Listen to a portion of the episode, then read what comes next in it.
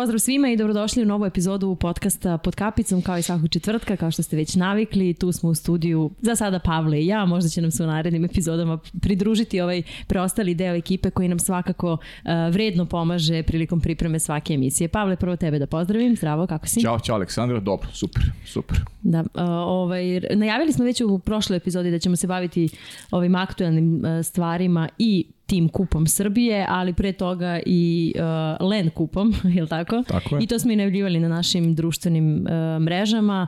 Uh, hoćemo da, ajde uvedemo malo u priču pa da predstavimo našeg, našeg gosta. Najviše smo onako gledali uh, Šabac prethodne večeri i naravno pratili Ligu šampiona na, na sport klubu kao što je to slučaj e, svake sedmice. E, gledali smo u Šabac zato što je naš naredni gost, odnosno gost u ovoj epizodi e, kapiten Vaterpolo kluba Šabac i ajde predstavit ćemo ga kad smo već tu. Sa nama danas u studiju na kraju univerzuma je Nikola Marković. Dobro nam došao. Kako se osjećaš? Kako Bolje vas znaš. Odlično, odlično. Hvala ti pre svega što si pra, malte ne pravo nakon pa puta. Pa ispravi za autobus. Da, pa bukvalno. Došli smo neđe oko tri, smo došli, da, i onda sam...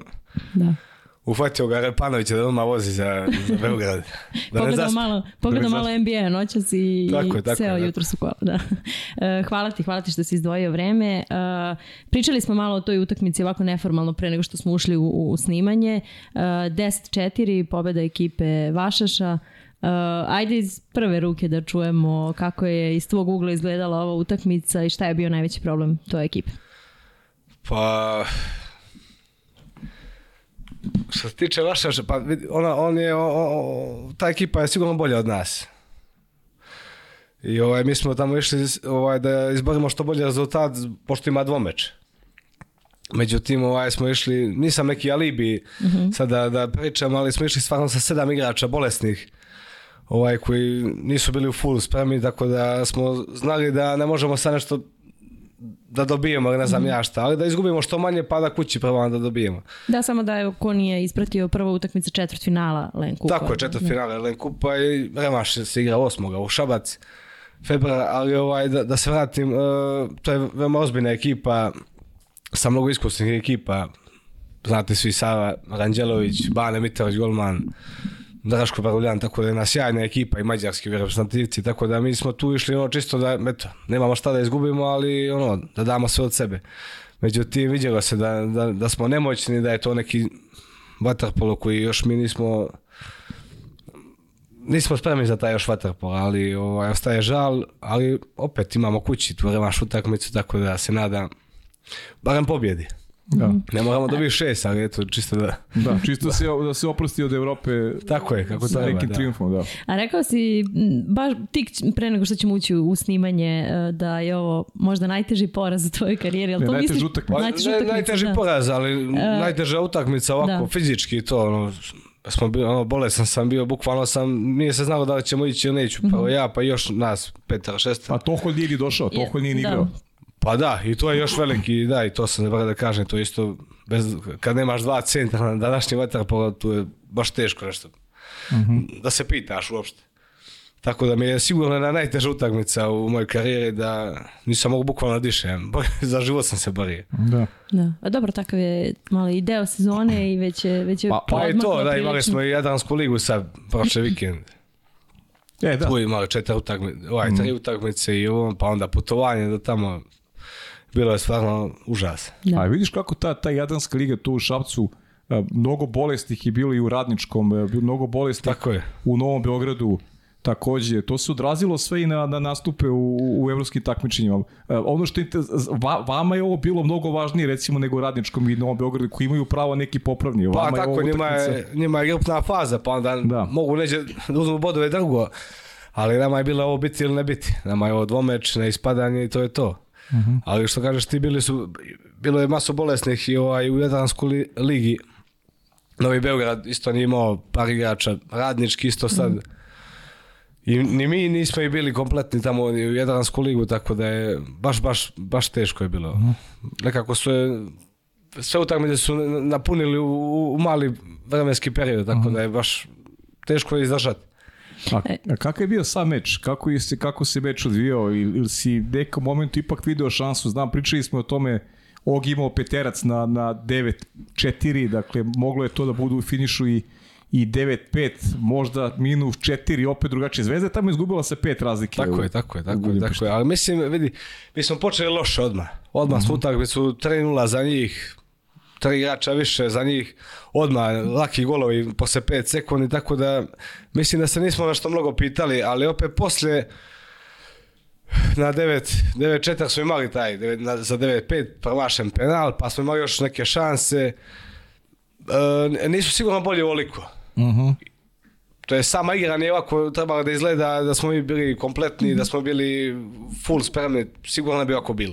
Uh -huh. To mi je jedino žao. Zbog toga kaže da me najteža utakmica i psihički i fizički, ali eto šta je tu, tako se poklopilo. Uh mhm. -huh. E sad, Pravo je pitanje koliko posle najtežih utakmica, svako od vas verovatno neku utakmicu rezonuje kao najtežu ili u karijeri ili ove sezone, koliko zapravo imate vremena da se, ajde da kažem, resetujete, jer sutradan je za vas već novi dan, stiže novi trening, niko vas ništa ne pita praktično. Kako, kako si, gledaš na to? Sve si rekla, evo, mi smo došli jutro, sutra imamo noćas trening odmah u šest.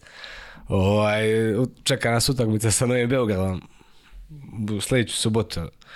Tako da, bukvalno te niko ništa ne pita. Moraš, jednostavno takav je sport da moraš da se odmah ohladiš glavu, da ideš dalje, da sledeća utakmica te čeka.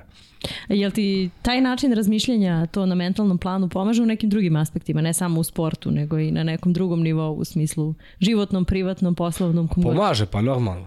Svakako da pomaže. Sport je zdrava sredina i tako kako funkcioniše u sportu, takav mi je život mm -hmm. i mhm. onda da. sve to je povezano. Da. A, kakav ti utisak ostavio, ostaju generalno, generalno vaša eta? Još malo te vraćali utakmicu pa ćemo se okrenemo nekim nekim drugim temama. Naveo si igrače koji tamo igraju, Boba Nikić ih predvodi kao, da, da. kao trener. Dakle, zaista jedna, oni su ekipa koja je projektovala igra Ligu šampiona. Nisu imali, i oni tad nisu imali sreću u žebu, naletili su na najtežeg rivala na Brešu. Tako je, da. Proti Breše nisu mogli, Breša koji je jedna od najboljih, najboljih ekipa u Evrope i, i sada, tako da je zaista to za njih bio onako jedan za sada nedosanjan san, ali kako ti gledaju kao ekipa? Uh, ili si stek utisak da, da može da se igra ili su ipak neki, neka klasa, klasa Misliš, uh, mi... Tako je, da, u odnosu na njih, da. Pa ne, mislim da je to neki veći nivo Waterpola, ako uh -huh. tako može da se kaže, da mi smo trenutno nismo, nismo taj nivo. Taj nivo, da. Za sad nismo. Mm -hmm. Sigurno, to je neke, neki vaterpolo koji, s obzirom da i veći je budžet i sve i bolji igrači, mislim bolji igrači. Mm -hmm. ovaj, sve to cjelokupno, tako da trenutno mislim da nismo dosledni njih. Mm -hmm. Mi smo mlada ekipa, uspolno sve to stoji, ali mislim da još treba da se radi I ovo je odlično da ima gdje smo, znaš. Uh mhm, -huh. Mhm. da. Opet napominjem, nije ovo realan rezultat 10-4 s obzirom na naše sve da, ove bolji situacije. Bolji su svakako, ali ne Bolji ovoliko. jesu, ali ne ovoliko. Znači, moglo je tu da bude i go za njih 2-3, to sve nesporno da smo bili kompletni i da smo bili sposobni. Uh mhm. -huh. Ponavljam, nisam alibi neki, znaš, da mi da, da smeta okay. sudija, smeta ovaj, smeta onaj, ne. Nego jednostavno, toko je nije išao, centar koji ti odlično znači, Nikita Vajrus, mm -hmm. nije mogao sam, nas pet još u vanjskoj liniji, Raviti Jogi Stojanović isto nije mogao, Šulc, ja... Da, Ogi, nije, Ogi nije ni igru Jadransku ligu. Tako. tako je, bio je baš bolesan, tako da sve u svemu mi smo možda potajno i znali da ne možemo, ali opet ajde, ideš tamo normalno, boriš se. Mm -hmm. Ali ba, baš je bilo teško, to je, baš smo vidjeli da to neki nivo gdje mm -hmm. moraš još debelo da radiš. A koji su onda krajnji dometi Šapca ove sezone i ne samo dometi u smislu te trenutne situacije, već i, i neki klubski ciljevi, šta je onako na početku sezona, ajde da kažemo, postavljeno kao, kao nešto što treba dostići? Pa vidi, klubske ciljevi od početka moje dolaska u Šabac su bili da, ono, da se što bolji uspjeh, da se borimo i to sve. A ove godine koji svake da, da uđemo, to je svake, posle one... Oni šampionski. Da, šampionski. tako je, da. Kad, smo, kad su počele ove ekipe da se pojačavaju. Pojačavaju da uđemo u četiri ekipe, znaš. Vidjeli smo da možemo one pre godine posle naše osvajanja da možemo i onda je svake godine da uđeš u četiri liga šta je Final Four. Kao i kupa, kao i prvenstva. Tako da uvijek to da mhm. u jedanansku ligu da opstanak svakako i da što bolje da se rangiramo i tamo Tako da uvijek su najbolji, najviše ciljevi, ali shodno našim mogućnostima. Mm -hmm. Osam godina si Nikola u Šapcu, kasnije ćemo da te vratimo na na neki početak karijere ili ti ovo, ili ovo možda bila najvažnija utakmica koju je Šabac odigrao eto za tog tvog mandata a baš dugo traje nevezano za te trofeje ipak je ovo najveći uspeh međunarodnih kluba da Tako, kako ne, kako ne. Pa posle one duple krune ga smo uzeli, sam, mhm. mm -hmm. kad je bio Gojko sve na 19. O da, ovo je bila baš, baš uh, najznačajnija utakmica nekako. Baš sam ovo vjerovao i svi smo mi vjerovali da možemo ono, međutim onda se desilo to sve sa bolestima, ovamo, nama, ali baš zbog tog nekog rasporeda koji su nam nametnuli da imaš ono 15 utakmica u bukvalno u 10 dana da nemoguće da obstaneš kako uh -huh, uh -huh. ne samo nama vidite radnički Novi Beograd svi imaju neke bolesti da da svi su svi su otišli roviti Evo, Novi Beograd pošao sa 10 igrača jeste Jeste, da. Njima je šest igrača falo iče. Tako je, da. Mm. Pa nekako se nameće ta tema ponovo, ajde. Svaki put je negde spomenem u ovom delu razgovora s našim Uvijek, da. sagovornicima, da. da. E, naročito taj format igranja regionalne lige koja dosta toga remeti u ovim pa ajde da kažem redovnim, redovnim kolima domaćih prvenstava i Lige šampiona ili evropskih takmičenja generalno.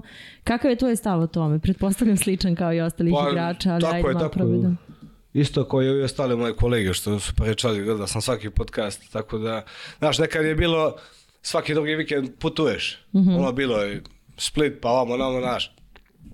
A sad ove godine, kad su i prošle godine uveli ove turnirske, to je u, u tri dana pet utakmice, pa to, to ona može, da, ja ne znam kako neko izražava to. Mm -hmm. to, to mi je baš užas. Mm -hmm. Pa je nekako bilo to ono, svaki drugi vikend ideš, putuješ, neđe, umeđu vremenu igraš srpsku ligu ili bilo koju ligu odigraš i to je okej. Okay.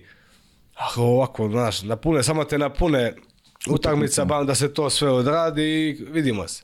Kako se oporavljaš od, od, od, od utakmica koje igraš tri dana za red?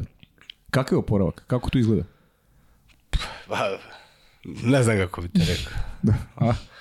Baš ne znam. Mislim, ovo kao da dođeš na bazen. To je individualno nešto ili, ili ovaj, ili, ili pa, ima, imate neki, neki plan, neki. Kako, kako se oporaviš utakmicu, kiraš u 20 sati u subotu, a onda u nedelju u 10 ujutru igraš sledeću utakmicu. Pa ne, vidi, ne polaže ti ništa. Ništa ne. Odeš kući, spavaš naš, Pomoliš se Bogu, naš. da. I to ti je to, da, da, da se ujutro digneš sam. da. Pa da, pa pričali smo, ja, pričali smo ti ja i pre nego što je krenula emisija, recimo neki drugi klub, aj, kazaćemo fudbalski klubovi, Uh, koji se pripremaju domaći klubovi koji se pripremaju za evropsku utakmicu oni odlažu kompletno kolo ne igraju pa da, da. imaju da, pauzu od 10 dana između jedne i druge tako utakmice tako je tako je da treba im neka specijalna priprema da da odigraju 90 minuta fudbala pa normalno a a a vi igrate u 3 dana utakmicu za vikend i onda dva dana kasnije igraš najvažniju evropsku utakmicu sa pauzom od koliko? Dan i po recimo pauze pa između. Pa ako je toliko. Ako, ako je toliko. toliko da. Pritom imaš put, ideš aut, vi ste autobusom išli u Budimpeštu. Pa da, da. I sad ja ne znači- pričam o kao alibi, nego vama alibi ili bilo kome drugom, nego prosto pokušavam realno da sagledam sliku kako neko može da kreira takav kalendar, a apropo kalendara imaću još nešto kažem kasnije. Ja, ja isto, da, apropo kalendara. Ja mislim da je to samo ođe kod, kod nas, mislim, Srbija, Crna, Crna Gora nema toliko klubova da ima toliko obaveza i Hrvatska, ajde, ali evo Mađari, oni imaju svoju ligu i to je to. Da. Nemaju ove neke turnire po, na, u tri dana pet utakmica pa da dočekaju Len Kup kao što je bio juče i da igraju sa nekom ekipom mm da, da su nespremni. Ne, oni su dočekali ovaj Len Kup odmorni. Oni su imali utakmicu tipa u subotu, a u sredu da im je utakmica bila. Da. Jedna utakmica u da. subotu. A mi smo imali četiri utakmice u subotu i, i Len Kupu u sredu. I putovanje do, do Budimpešte. Tako da, da, da je mislim da samo to kod, u Srbiji ima. I eto i Hrvatska sigurno. Da. A vidiš na što je, sad ću se nadovežu na to. To, to je neka, neka moja teorija, ne znam da se slažeš. Da je epilog uh, takvog kalendara koji vezuje, vezano za ovaj prostor, Uh, su posljedica i učinka na evropskom i svetskom šampionatu. Ok, Hrvatska je bila prvak Evrope, ali igrala je na domaćem bazenu. Malo je drugačije kad igraš na domaćem Tako. Da. terenu. Srbije i Crna Gora, onako rezultati onako vrlo prosječni i neki umor koji je akumuliran usled zaista prenatrpanog kalendara koji za, ne, ne, vidim da ne vidim da donosi neki neki benefit igračima. Možda nekim mlađim igračima, ali ali suštinski i oni su bili umorni od od veliko broje utakmica. Pa nisu mogli da dođu do, do, ovaj, do izražaja, ni mlađi igrači kad su i stariji umorni, pa je stariji su nosioci. Tako je. Nosioci reprezentacije, što se rekao i Srbija, Srbija koja je bila uvijek na vrhu, razumiješ, sad je ovo, ovo je bilo neočekivano, iskreno ti kažem. Koji god da je sastav Srbije, Srbija je uvijek bila da bude barem u prva tri mjesta, što se kaže. Uh -huh, uh -huh.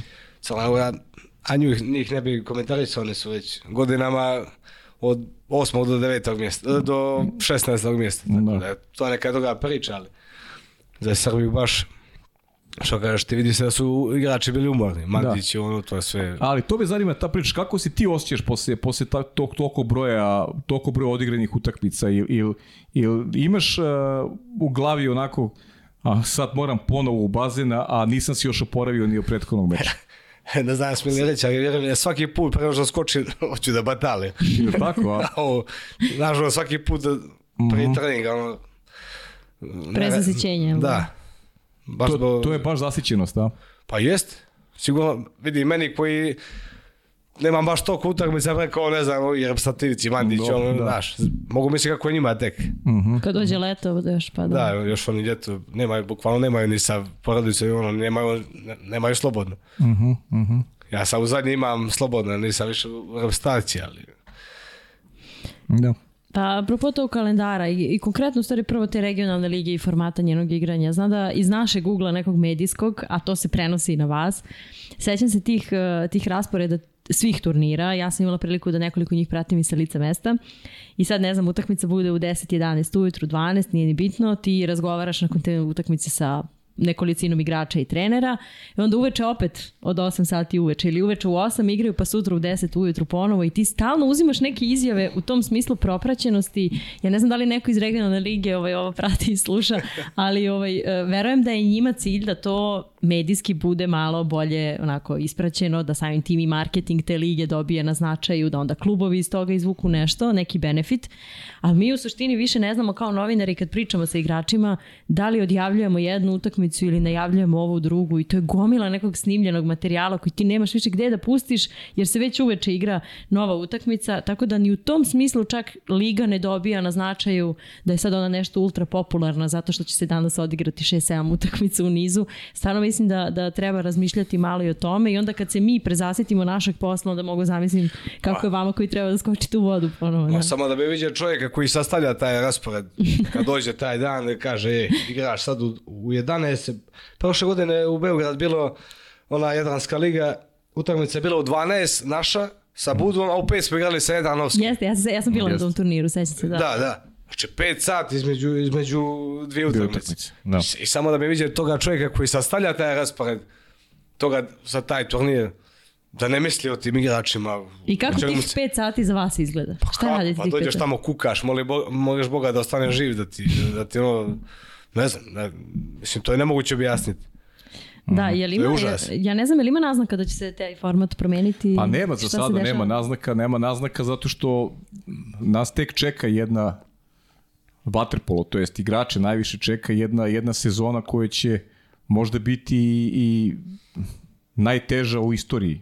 Ili, ili ja bih to nazvao E, najveća sprdnja s jednim sportom se upravo odigrava sada. To je, Tako je, da. to je priprema za evropsko prvenstvo da. u Izraelu koje će biti pomereno za januar naredne godine, da. gotovo izvesno. A onda imaš, to je znači olimpijska 2024. u januaru evropsko prvenstvo, u februaru svetsko prvenstvo i onda olimpijski, i onda olimpijski igre. To se nikada u istoriji sporta nije dešavalo. Pa znam, ali to, nikada. to se nikada u istoriji sporta nije dešavalo, smo govorili prethodnog leta. Kad se igrala svetska liga, da, svetsko prvenstvo, evropsko da. prvenstvo i sad opet to yes, govorimo za vaterpolo. Znači, ovo, granice se samo pomeraju. Ovo je, ali ovo je još, da. ovo je još da, gore, ovo je, gore, ovo je još da. gore jer evropsko je trebala bude u oktobru ove godine i sada se to pomeri, Izraelci su čak hteli da otkažu Sad tu se očigledno napravlja neki neki kompromis. A ko će ga da, da. I sad ti u olimpijskoj godini to će ujedno biti i kvalifikacije za da, olimpijske da, da. igre. Dakle, ti u jednoj kalendarskoj godini imaš tri velika takmičenja, dva koje su zaista najveći u sportu osim olimpijskih igara. Dakle, Tako ti pa tri da. najveće imaš u jednoj istoj kalendarskoj godini, a pritom šta ćemo da radimo sa, sa klubskom sezonom? Da, ne znam koja, što se tih, koja tih meseci ne, dešava. Da. Znaš, ja, ja sam čuo neke, neke glasine već sada, neću da imenujem klubove, da neki klubovi će odustati praktično od sledeće takmičarske sezone. A moguće, što bi plaćao onda? Zato što nemaju, nemaju interes da plaćaju, da plaćaju neke skupe igrače i da prave neke uh, Ne znam kak je kad nema. Imaćeš, da, da. imaćeš realno da plaćaš igrače 4-5 meseci. Gde su tu igrači? Koji je njihov, kako će oni, tu ovi igrači koji nisu reprezentativci? Od čega će oni tu da žive? Koje će oni utakmice? Da, mislim, to je jedna opšta papazijanija. Pa Taman kad smo mislili da ne može gore posle da, prošlog leta i, i, I ono što je meni interesantno, što to je već jedno poduže vreme da se zna, a da nema nikih reakcije. Ja, ja, ja ne primećujem reakcije. E, e, to je ono što je meni zabrinjavajuće, što nema reakcije. E, imam utisak da neko sutra kaže vate polo se gasi da ne bi bilo nikakvih da, reakcija. Da, čutali bi vjerojatno svi, da. A, kao okej, okay, kao gasi se, kao nema, nema problema. Mislim, stvarno jedno, jedno, jedno stanje koje mislim da nije održivo, a opet tu ste vi igrači koji ste najveća žrtva u celoj priči. Mislim da niko ne vodi računa o vama pre svega, to je osnovna stvar I ne znam da li je možda ovo neko vreme, možda se ovo nekima neće svideti, ali mislim da, za ne, da je neko pravo vreme došlo za neku uniju igrača da, da malo preuzmete stvari u svoje ruke, jer jer ovaj postajete Spartanci ono mislim sportisti da. jesu postali moderni gladijatori jer tera ih se ne samo u vaterpolu da igraju na svaka dva dana da da nemaju pauzu ovo je ja mislim da ovo stanje neodrživo, ne znam kako ti vidiš celu priču. Pa s tobom, slažem se s tobom sve, ali mislim da ta, ono što sam rekao, ta unija, nešto, ono da to ne bi puno pomogla. Misliš da ne bi, ja? Ma ne, tu se pitaju dva čovjeka, vjerojatno, izvrka je to ti to, kako oni kažu, to ti to, ili hoćeš ili nećeš. Uh mhm. -huh. Uzmi ili ostavi. Pa mislim da je tako, razumeš. E sad, o, vjerojatno možda zavisi po savezima. Svako ima svoj savez gdje treba stane iza, iza, iza svojih timova igrača, pre svega, znaš. Uh mhm. -huh barem pa oni nešto da napravi da bude lakše ako... Uh mhm. -huh. Ili ta Jadranska liga, to je privatna liga, šta imaš ti od toga? Kao da. osvojiš, nemaš ništa, imaš. Nemaš, da, nema, imaš, nemaš ti prohodnost Eurokupa. Imaš, imaš, imaš, imaš aplauz, da. da. pohvalit ćete tamo dva dana ćete da si osvojio ili nisi osvojio ili si bio ili se borio i to je to.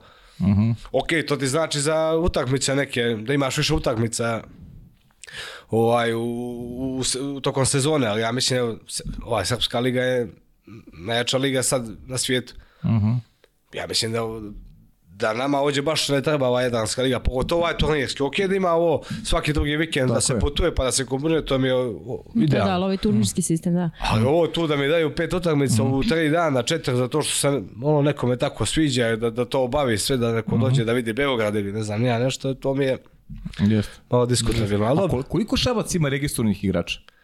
E, za seniorsku? Za, za seniorsku, da. 14. Eto, 14 igrača. I ja bih razumeo da recimo imate registrovano 22 igrača. Pa onda da, da mogu u Jadranskoj ligi da, znaš, da nemaš taj neki imperativ, pa, da imaš je. recimo zagarantovano 3 godine učešće u Jadranskoj ligi. Da nema ispadanja. Pa da igraš onda Jadransku ligu tako što kroz utakmice ti mladi neki igrači da imaju benefit toga što će da, Absolutno. da igraju. Dakle, da možete igrati sa dva tima. Jedno takmičenje igrate sa jednim, drugo igrate sa drugim i razigravate te neke mlade igrače kojima bi možda takva jedna liga a, značila. Ovo sa 14 igrača, pa ti imaš prostor pa da, da rotiraš. Pa da, koliko je timova koji mogu to da priušte sebi? A možda je, Možda jedan. Pa, Možda znam, jedan, pa da. znam, ali, ali, ali ja kad kažem 22, možeš da možeš juniorski pogon da, da, da staviš da, da bude deo tima koji će igrati Jadransku ligu. Razumeš? Ne, ne, da, da. apsolutno, ali... Ali da nemaš ovde... tu vrstu imperativa, da. da se boriš za to da ne ispadneš iz lige. Nego da imaš trogodišnji ugovor i da ti za te tri godine možeš da da razvijaš mlade igrače kroz te utakmice. Ali sad ću ti reći, Pavle, bar, ajde, ja nisam toliko dugo u ovoj emisiji kao ti, možda je jedno ili dvoje sagovornika od kad sam ja ovde koji su sedeli na Nikolinom mestu rekli nama regionalna liga pomaže jer razvijamo mlade igrače ja sam sigurno za jednog, ali ajde kao povećat ću broj pa ću reći dvoje. Tako da, znaš, mnogo je mali, procentualno mali broj klubova kojome regionalna liga zaista čini neki benefit i uslugu. Da sutradan kaže iz nje smo dobili ovo troje klinaca koji su sada postali bolji igrači zbog toga. Pa do, to postaviš sistem. Šta ti misliš Nikola o to, tom? Pa vidi, ne mora baš 22 igrača da imaš, pa da... Karikiram, ne, ali 14 je, je malo. Svakako je malo. Da ti 10 meseci ovaj, izdržiš cijelu sezonu sa 14 zdravih igrača, to je nemoguće. Tako je. Evo kao sad, juče, to je juče se desilo da šest igrača je bolesna. Mm. Da si imao 22 da. igrača, nebitno, barem 17, pa možeš da ubaciš neke nove. Da. Ali to ti je zbog budžeta. Mm. Ti ne mhm. možeš jednostavno se limitiran. Ti ne možeš da imaš 17 ili 20 igrača zato što imaš budžet je toliki koliki je, I, i na to si ograničen, znači, zbog toga mora, 14 igrača mora da bude Spartanci, zbog toga se to dešava. Ti u futbolu imaš, koliko imaš igrača? Pitaj Boga. I on svaku utakmicu može da rotira po 10 igrača, a ne, a ne, a ne... Košarkaški klubovi su počeli maltene dva rostera da prave pred početku sezone. Tako pa da, ali, ali sad si rekao ključnu stvar. Pa onda napravite preduslove. Pa napravite preduslove da možete da tražite od igrača da budu Spartanci. Da možete tražiti od klubu odigraju da na tri fronta i da imaju po 50 utakmica u sezoni, a onda da ne trpi ni reprezentacije. Znači e. mora postoje preduslovi, a ne da guramo... Pa s ovim sistemom mislim da je to nemoguće za sad. Tako, da. tako da... Pa ne s ovim sada... Pa to, na Šta to misliš tek o tome? To, si čuo nekada da jedan sport ima evropsko i svjetsko prvenstvo u mesec dana? Pa to mi je tek katastrofa. To. To, to samo, mislim, ne mogu da vjerujem. I dan da mi, ja sve mislim da će se ono nešto promijeniti, znaš. Ja sam mislio, da, ja sam mislio da sanjam. Da, da, da, da, Ja sam da. mislio sanjam kad sam čitao. Mislim, mogu biti kako ti momcima, sa što treba i kod Evo Baje pripreme, ono, u decembar iduće godine, pa januar evropsko, pa onda odmah svjetsko, posle bukvalno deset dana, pa će ti da ti se glava odmore, da se resetuje, da, znaš ono. A onda treba vrhunac, jedan sportista doživi da do olimpijskim igram. Olimpijskih igara, da. Tako, i onda kao Par ideš... Par kasnije. Bukvalno. I to sve, znaš, ono ti sjedine, a da, kad će da. to da rade za futbal ili za neki pa ozbiljni? Ma to pa se nikad neće da, da, da kažem ozbiljni sport. Pa, da, da, da. pa, a znaš zašto? Pa da ti kažem nešto, i ljudi ga čine ozbiljnijim, znaš. To je poenta cele priče, znaš, ok, ti možda budeš manji sport, ali zavisi ko se tim sportom bavi. Normalno. znači neko ko voli sport, ko poštuje igrače, ko poštuje ljude, neće tako da, da napravi. Slažem se, tako Znaš, je. neće napravi, da nema veze iz kog sporta dolazi. Tako je, tako je. Znaš, E, ali mi smo već dovoljno razgovarali prošle sezone i prošle cele godine i na reprezentativnom i na klubskom planu o tome. Pa smo imali pomeranje onog Final 8 Lige šampiona. Pa shodno yes. tim pomeranjima tih termina su se pomerala Evropsko, Svetsko, Svetska liga tog leta i isto smo se čudili tri velika takmičenja u jednom letu i tako dalje i bili smo u fazonu, e ajde sad kad ovo preživimo da podvučemo crtu, korona je uzela maha, sve nas je pomerila, kao ajde od sledeće godine iznova. I stvarno smo ovde sa nekoliko naših sagovornika pričali o tim promenama ljudi u Lenu pre svega koji će donositi takve odluke I u, zaključivali smo, ajde da ne budemo mi najgori, da im damo malo prostora da oni to poslaže stvari i sigurno će se nešto promeniti. I sad imamo još goru situaciju sledeće da, da, da godine. Da, pa.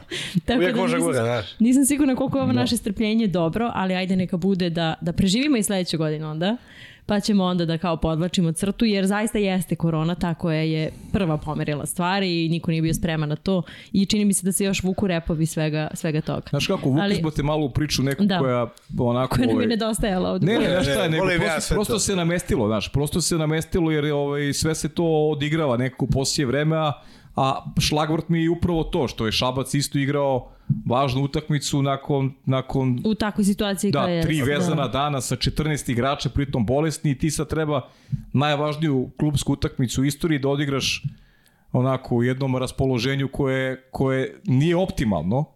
I opet kažem, eto kako se nekim drugim klubovima čine ustupci i kako može da se napravi sve da da ovaj da da stvari izgledaju bolje, a, a ovde imam utisak kao da kao da ljudi koji e, su u sportu kao da rade protiv sporta. Umesto da je za dobrobit sporta, ne moraš ovde pričati ništa, ovo sam ja rekao, da ovo je rekao Pavle Živković, nije rekao. Ne, ne, ne, pa ne, ne, nemoj, nemoj ti. Jadan dečko sutra kad, da, kad da. okrenu ljudi, kažu Znaju oni šta ja mislim sigurno, ali. da, da. Ne, Dobro. pa do, aj, aj malo da razbijemo ove teške ajde, teme. Daj, daj, daj, jedno bilo pitanje. Daj jedno bilo pitanje. se vratiti ponovo, ajde. Pozdrav, uh, imam samo dva brza pitanja za moga kuma. Prvo, e, planiraš li posle kraja igračke karijere da se baviš trenerskim poslom?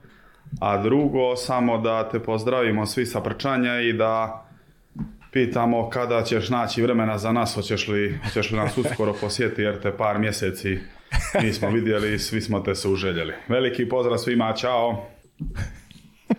E, to ti je moj kuma. Pa to je pa dobro. Ja, da se zahvalimo priznaj da si očekivao i možda i teži pitanje. Jesam, jesam, moram biti iskreno, jesam, znaš. O, evo što tiče prvog pitanja, pa to smo evo se davno još pričali kad budemo batalili ovaj sport da ćemo kad se nakupimo pare od ovoga, znaš, da, da, da ćemo da, da osnovimo, da, da opet vratimo ovaj val prčanja, razumiješ? Ba, dobro, da. Da, da, da, ću da. ja biti trener, on će biti Igra, šta? Ne, ne, ne, ne, ne, on će biti direktor, razumiješ? Da, da, to se da, vodi da, meni da je plata, razumiješ? Uh-huh, aha, aha. Tako kad budemo batalili, onda ćemo, tad ću da počnem trenerski ovo, a kad ću doći dolje, nisam sa trebao sam sad doći za praznike, ali nešto mi je čerka bila malo prehlađena, pa nismo htjeli da je, da je mučimo, da je vodimo, ali ću doći sad. Uh-huh. Kad se došao u mart, ne, u april se došao, uh-huh. tako. Uh-huh. Mhm. Ili maj, kraj maja. Da, tako. Dobro. April, ne znam više, ne znam više nikad se... to ti kaže, eto, vidiš. da, da, da. Ti kažu, pa, pa nešto, nešto je bilo e, priča da će se završiti u mart. -hmm. pa, da, pa i u oktobar u Izrael, pa ovo je sad jedan put se u maj završava 20. Ja ne pa da, zato što, zato što će da bude onda ove godine samo, samo svetsko prvenstvo. Pošto nema i evropskog Izraelu, pošto ne znam, evropsko... Da, da se hoće neko Evropsko izjasniti, da znam. Da. da. evo, kume, kad se bude izjasnili, kad će se došli, ja ću doći od kad, kad, tačno, kad budu kalendar tačno namestili, ti e, ćeš znati onda. Tako je, tako kad je. Len kaže, ta će doći kući. Da. da. Lovci, A znaš kako, znaš kako to oni odlučuju danas, danas se dogovore i onda... A šedno da nas, znaš, ovo puštene. Za ručak pa, neki, pa aj, sutra ćemo, sutra ćemo. 20. ne mogu 20. mi je tamo slava neka smaćala. 15. prvač. to, to, to, upravo tako. Da. Upravo tako. E, ja bih malo, ako nemaš ništa protiv Pavle, da se vratimo na ovu tvoju priču prvo sa Šapcem, onda i sa ovim tvojim krajem dole, odakle se kuma da, da, da, ove, ovaj, da. javlja gde te zove da se vratiš. E, rekao je Pavle, već čini mi se 8 godina, ali tako? U, u, Ovo je 8 godina će biti, da. da. Kakva je to veze? Je to neki poseban odnos sa tim klubom? Zašto baš ta sredina i kako bi opisao ukratko tih 8 godina sada sa ove distance? E, pa, kao jedna familija, bukvalno. Ovdje su me stvarno primili i dan danas me gledaju kao, kao njihovoga, tako da nema nikakvo ono da sam došao od nekada, mm -hmm. kao Crna Gora, Srbija, nešto. To od prvog dana nije bilo. A došao sam sasvim slučajno. Sam rekao nešto, bio sam u Italiju jednu godinu, pa sam čekao njih. Mhm. Da, pričat ćemo, tako da sam 2015. došao kad se bazen tamo novi napravio. Jedan tu momak iz Beograda koji je igrao vaterpolo pa sa mnom budu Filip Tenžar, on me pozvao da bili ja došao u Šabac, ono je znali da sam slobodan. To je slobodan, bio sam u Katar. I ako bih, bila mi uvijek želja da igram ovaj, u, u Srbiju. Tako da mi se želja bila ispunila i ako odmah idem dolazim. Da Tako da sam te 2015. došao i evo dan danas ostao u Šabac. Da. Šabački zet, zet kako me zove. šabački zet, a? Tako je. Ajde, dobro, o tome ćemo da pričamo da to da kasnije. To ostavljamo za kraj onda. Da, da. A kaži mi kako se taj, taj, taj neki odnos e, ovaj, sa, sa Waterpolo klubom Šabac, Šabac koji se onako postepeno diže i ja, ja baš volim da pričamo o Waterpolo klubu Šabac jer ga kapiram kao jedan vrlo zdrav projekat e, e, koji onako rasti iz godine u godinu, tu su i veći domaći trofeji koji su osvojeni i, i titula u, i, i, i duplu krunu koju su uzeli 2019. godine, negde e, ono što je što je odlika Šapca je ta konstantnost koja koja ga prati eto nazad 2015. godine čime ne mogu se pohvale drugi klubovi e, u Srbiji. Mislim da je da je Šabac najkonstantniji eto tog perioda kada si ti došao u srpski vaterpolo, Sigurno. da je najkonstantniji klub sa sa nekim rezultatima i nekim odnosom koji imaju prema igračima i tako dalje. Sigurno, sigurno. Pa vidi, kad sam došao 2015. mi smo tad igrali došla sam na polusezonu, igrali smo samo Srpsku ligu. To jest, bila je Srpska prva liga, da. Mhm. Radnički i ovi su igrali smo, samo smo se nalazili na kraju u četvrt finale, tako nešto, tako si igrali, igrali smo mi i Beograd, kao bukvalno sa B liga je bila mhm, tad. Mhm. I, ovaj, I onda smo ušli, kroz tu B ligu smo ušli u prvu ligu, onda se oformila ova liga, svi da igramo, 12 klubova, radnički, zvizda, svi. Tako da smo se postepeno dizali i onda smo Sjećam se, te godine smo bili, kad sam došao bili pet, jedan smo izborili učešće u Jadransku A, 2 A2 ligu. A2 ligu. Ta se zvala A2. Mm -hmm. sad pa, i sad, je, pa i sad je Nije, sad je A1. A1, A1, a ovo je A premijer neka. Da, da, da, da, bravo. Tako da smo izborili učešće, pa smo tu, onda kroz tu prve godine smo došli do baraža, i ispali smo od Poška, normalno, nismo ni bili uh mhm. -huh. sad nešto da, da možemo da uđemo, niti smo očekivali. Mhm. Bilo je to sve kao ajde da si igramo. Uh mhm. -huh. Tako je bila atmosfera. Zato smo i uspjevali u svemu tome. Mm -hmm. Nije bilo tenzija, nije bilo ničega. I onda vremenom posto toga smo ušli u, u A1, izbacili smo Budvu, moje bud, to jest nisu moje Budvane, ali tamo sam igrao. Igrao si, da. Da, to mi je najmile što smo njih izbacili. Mm -hmm. I onda smo ušli u, u prvu ligu, tako da smo i dan, evo, dan danas smo opstali da, da. Oj, ovaj, ali tad je mnogo bilo drugačije, da se vratimo, tad se bilo ono, svaki vikend se putovalo, da, to je da. svaki drugi se putovalo. Ligaški i, sistem, no. Da, da, i mnogo bilo lakše. A pa lakše to je bio sistem kada su se priznavali rezultati za Srpsku ligu Tako je, tako dakle, Međusobni je. dueli srpskih klubova. Bodovi se prenosili, tako, da, da prenosili da, da. su iz Jadranske lige, prenosili su u srpski šampionat, što je opet tako o, je, tako je, bilo je. lakše za igrače da, da, da izdrže taj kalendar. Tako je. A e, i mnogo je bitno to, to u takmičenjima i organizaciji da stvarno ima neki, neku prohodnost, neko značenje u takmičarskom smislu sve što radiš, da ti na, do ne, na kraju Mora. sezone nešto donese. Da. Dobro, ovaj, eh, hoćemo Sa pa šapca, da, ja bi, da krenu kako, unazad ili kako? Pa ne, ja bi još palo oko šapca vezano, znaš, to je verovatno i tvoj negde u karijeri kada pričamo, naravno ima jedan najvažniji moment karijere, njemu ćemo malo kasnije, ali sigurno tada si već bio malo, ako izreo kao igrač, kada si sa Šapcem osvajao te, te klubske trofeje, pa je malo da, da, da još malo podsjetimo i zbog Šapčana, i zbog kluba, i, a i zbog tvoje karijere, kako je, kako je to sve izgledalo, kako pamtiš ti te, te momente kada je Šabac počeo da osvaja trofeje u kontinuitetu. Ja se recimo sećam tog Zrenjina finala Kupa, bio sam na toj utakmici Tako, kada je da, Šabac ja, da. ja. pobedio Radnički u finalu. Pa, mislim, mi smo prije toga smo ušli u A1. U A1, da. To me, to me baš ono bilo, mm -hmm. tako mi se emocije, još normalna partija bude tamo gdje sam, gdje sam i bio, gdje nismo imali baš najbolje odnose, mm -hmm. ali nebitno, tako da je ta utakmica mi je generalno koju ću pamtiti uvijek dok sam ovdje u Šabac, to mi je jesmo mi osvojili posle duplu krvnu i sve to, ali ta utakmica je bila nekako posebna. Onda posle toga se desio kup, mm -hmm. što kažete u Zrnjani, tu smo osvojili, dobili smo radnički, tako je, radnički Just. smo dobili finale, i onda posle toga Zvijezdu, Šta smo onda... Uh, da, zvezu za titulu. A, ne, pre toga smo... Uh, tako bilo, ta, ta utakmica meni je možda... Ta, eh, zvezu za titulu, to je bilo u majstorici, ili tako? E, da, treća utakmica. Treća da, da utakmica, da neš, nešto gol razlike je bilo, baš je bila dramatična utakmica u finalu. Samo da tako? da ne zaboravim, Ajde. prije kupa to u Zrnjane smo igrali s Partizanom ovaj, u Bečeju, ako se sjećaš. Aha. U Bečeju smo tad bili baš ono, outsideri smo bili, nismo ne znali da ćemo ući u Final Four, taj, izbacili smo, ja mislim, da smo zvijezdu izbacili, tako nešto smo izbacili. Uh -huh. I ovaj, nije, nije lažan, nije zvijezda, radnički. I onda smo igrali finale e, kupa tu sa Partizanom. Uh -huh koji smo, Partizan je bio tu apsolutni favorit, tad je dobio zvijezdu nešto 15-7, ono, mi smo tada svima igrali 6-5. A, bravo, jest, jest. Sećam se utakmice. 6-5, te ta utakmica je onda, tako, da, da, tako ono naš, i onda je posle toga smo mi, da. E, onda je posle godine, te godine bio Niš, nešto, ono, tu nismo ni prošli, a, i e, onda posle, tad, 2018. na 19. kad smo u Zrnjanu igrali, ta smo Seća se to Partizan, da, to je da, utakmica jednu loptu baš je bila, baš da, je bila odlična utakmica. To je to ta, taj slop ekipe, to je to, je, to nikad ne zaboravite momki, to smo bili, baš, baš je bila ta hemija tad, uh mhm. -huh. od početka, to su momci od 2015. do, do mhm. tad je bilo, koja je 16. 17. godine, uh -huh. mislim da je bilo. Mhm.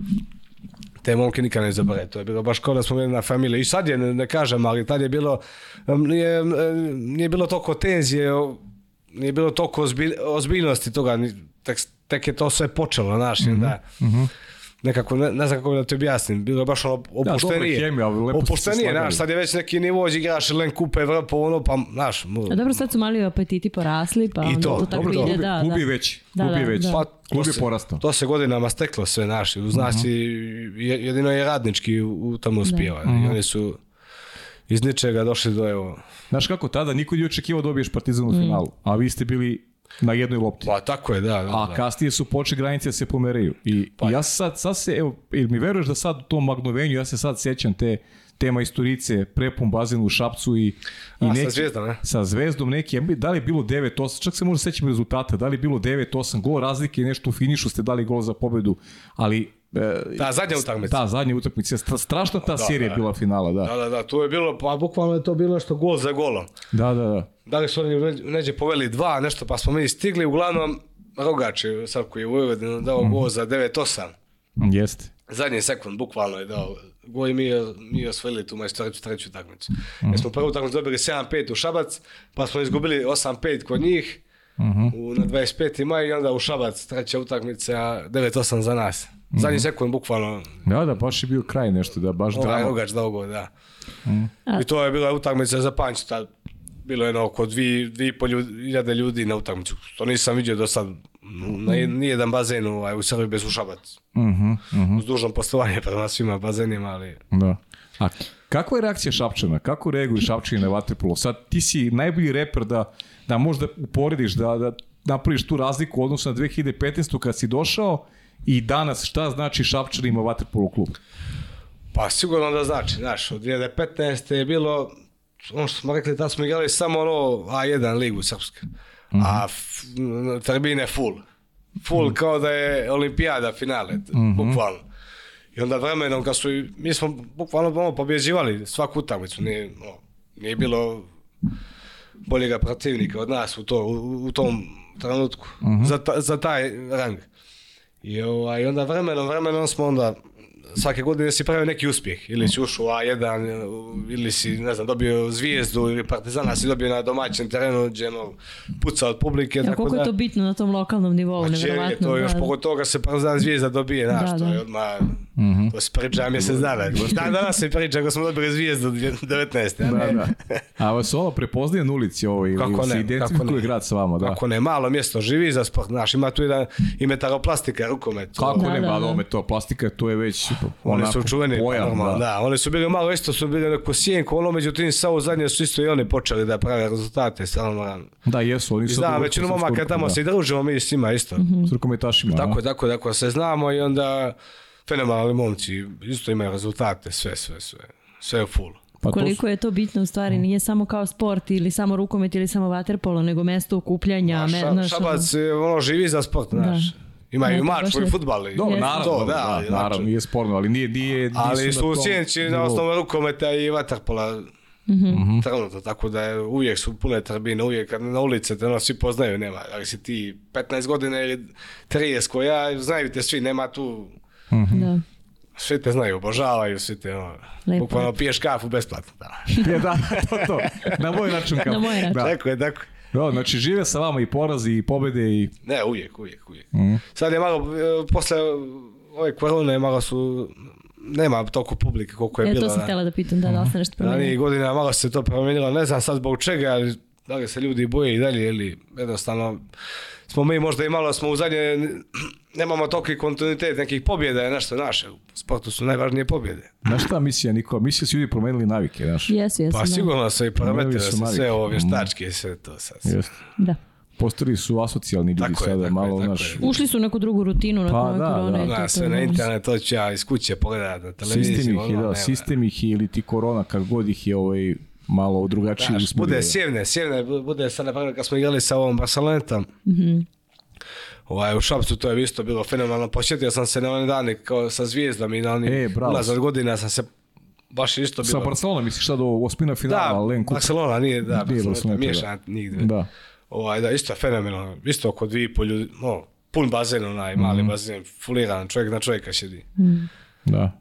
Pa ja verujem da će biti sad i ovaj revanš 8. Pa ja se nadam, ne, ne, nema, nema razloga da ne bude. Nema razloga da ne bude. Pa ja mislim, da neće biti, našo ono kao izgubili su šest razlike, kao neće moći. To nećemo da dođemo, misli, to je veliki događaj za Šabac. Tako je, tako je. Pa za klub, veliki uspeh. Do pa je ti vaša šebiga, vaša da. šebija. Da. I dan, danas je svetski klub. Jeste, jeste. Kako nije? Pa dolaze, dolaze takvi igrači reprezentativci, dolaze. Tako je. I srpski reprezentativci i Tako je. Sava Bane. Da. A, da Brguljan. Da, da, pa Veliki igrač. Nemoj mi njega zaboraviti. da. Spomenuo si nekoliko puta već tu utakmicu protiv Budve, Tvoje, kako ti kažeš, tvoje Budve.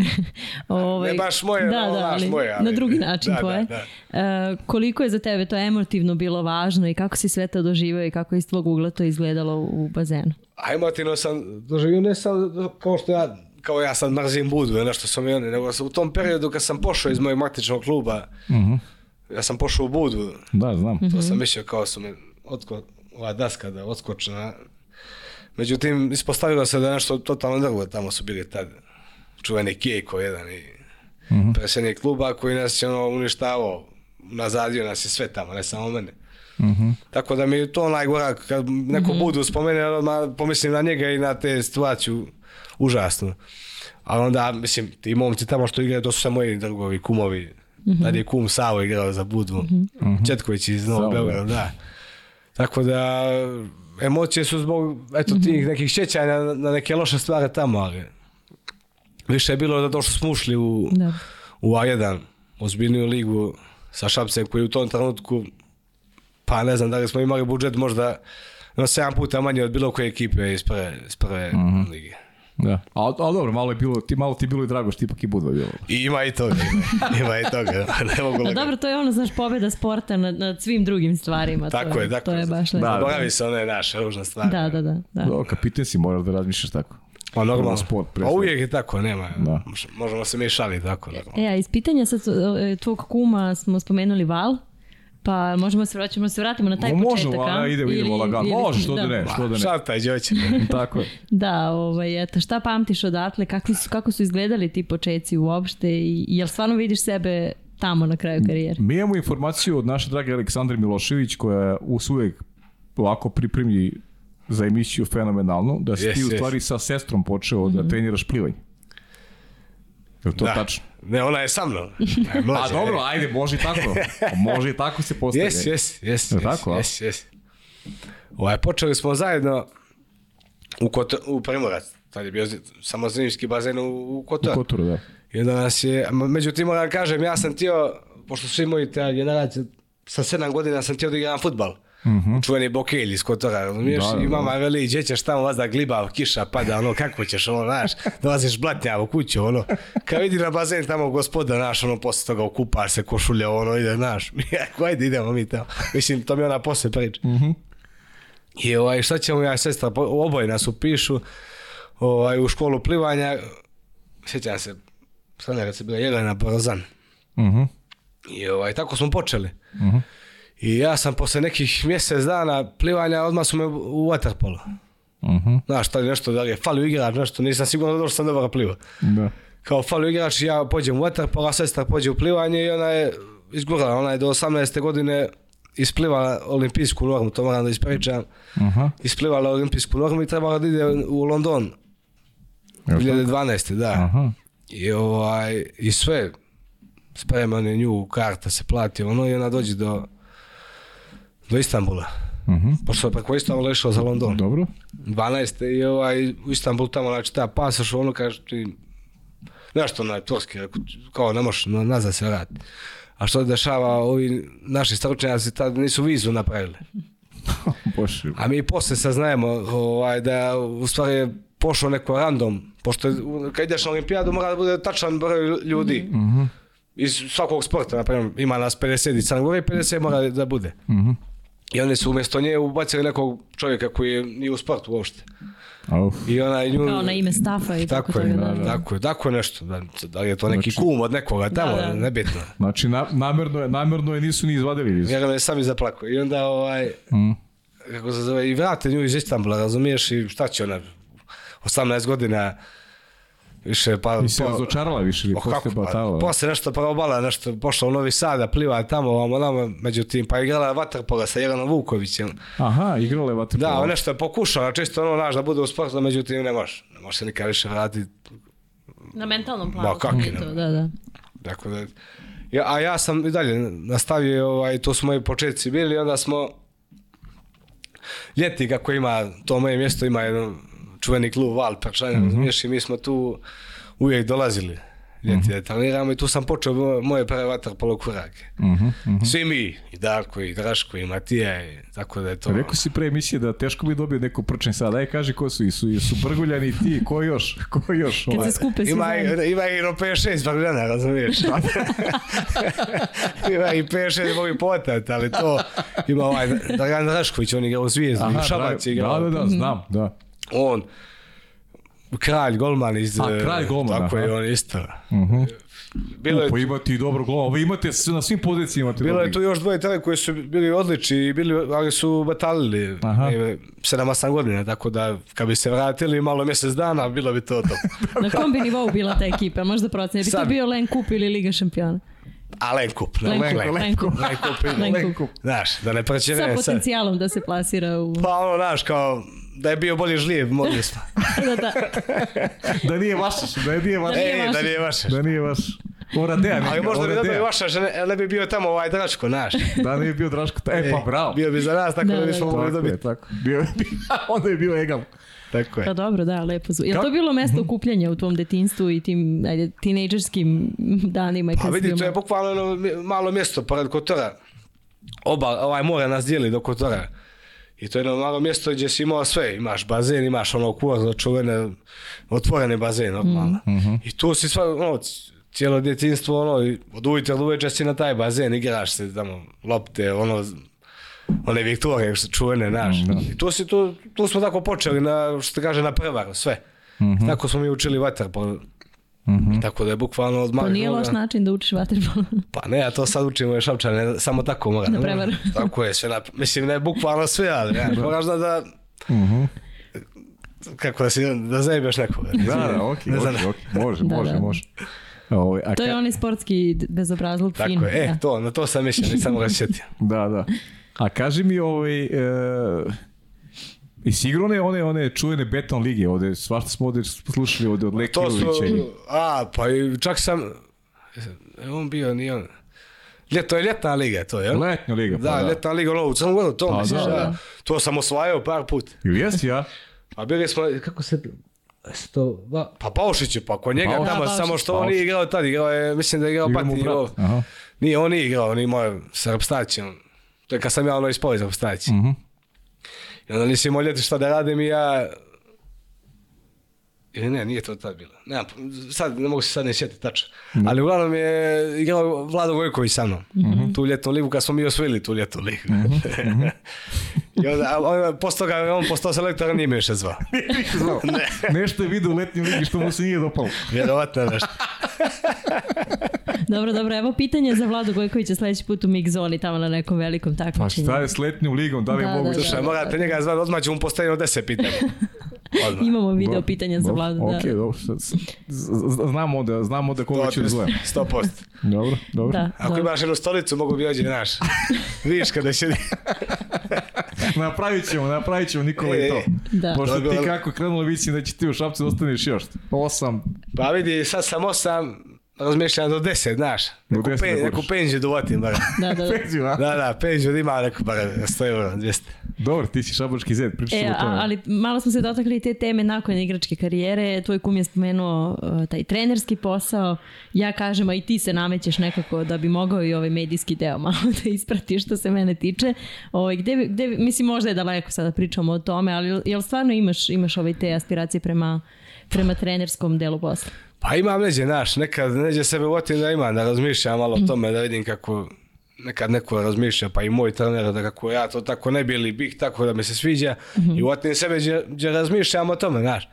Tako da sigurno da bi volio, e sad, ne znam da li ću da, ovaj, da zamrzim ovaj sport, mm kako su Mm S obzirom da su krenuli sve ovako, da kako se ponašaju, kako je celokupna situacija u globalu, a ne samo i ovdje. Mm Ovaj, tako da, ali mi se ono znaš, od bebe, od, izvinite, od malena, od sedme godine, od sedme godine se bavim ovim sportom, tako da sigurno da, da bi volio da ostanem u ovome sad.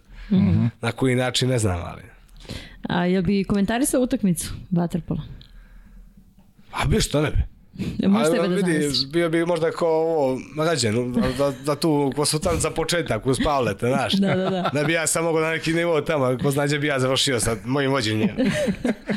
ako sudija uradi nešto pogrešno. Da, pa to, to. Da. Ne smijem spomenuti ono što sam rekao, da ću biti kao bataliju. Do, nemoj, nemoj, eti. To ne smije. Pa sve što se mene tiče. Ne, ne, zbog sebe. Ću... Zbog sebe, da, nemoj, nemoj. Da. Ja nisam, ja sam propustila taj deo, moram. Ne, nisi propustila, nego si zaboravila, da, ne, nemoj, nemoj. Igramo sa zvijezdom posle, pa... Posle, kad završi sezonu, kad završiš karijeru, onda prije. Onda ćemo sedimo ovde kad završiš karijeru, e. popričaš sve što si. A joj, znam, sad se setao. Da, da. da. ok, ima veze sa studijama. A, a da. kaži mi, neko logično je bilo, taj sad, vratili smo te tada, rekao si mi da, a čekaj, taj je futbol, je dobro igraš futbol ili je to... Pa vidi, svaki sport znam da igram. Je tako, a? Ono, za svak, mogao sam sve, košarku i futbal i... Uh mhm. -huh rukomet sam čak, ono, tata mi, tata mi igrao sve, znaš, mm -hmm. na njega sam, sve mi igrao i rukomet i košarku i vatar. Sportovi ono. s loptom, znači. Da, da, sve, sve, sve, sve sam mogu. I dan, danas sam kad igram nešto mogu sve da igram, znaš. Ono, mm -hmm. Ko zna, možda bi futbal bio možda i bolji, ali u mhm. košarku možda nema visinu neku, ali... Da, da, da. da. Neki A... play bi možda bio, nema mm. -hmm. Ali ovo Bokil je možda izgubio jednog dobrog futbolera. Bokil je živi vječno, znaš, tako se... Bokil je živi vječno, da. da, da, da. da. Ima bi bešti tamo sa čuveni navijači, da, bešti, znam, da, da, da. emocije, da. sve, da. Ali nije mi žao, naš, nije mi žao. E, to, to, to ste ti kažeš. Ne, ne žalim, ne žalim. Mhm. Mm -hmm. ne žalim što sam majku poslušao da da što je da majka. Da budem glibao da, kao da, kaže. Da ne budeš pa glibao. Da šaliješ tamo glibao. Ne pa budeš glibao, da. glibao nego budeš gospodin. Tako je kao košuljica ona. U košuljici. Kao majko, znaš gdje si me A čeki Nikola, ovaj naravno Primorac neko logičan sled. Ovaj ti kao da. talentovan igrač Primorac koji je pojam ovaj, tog, tog regiona.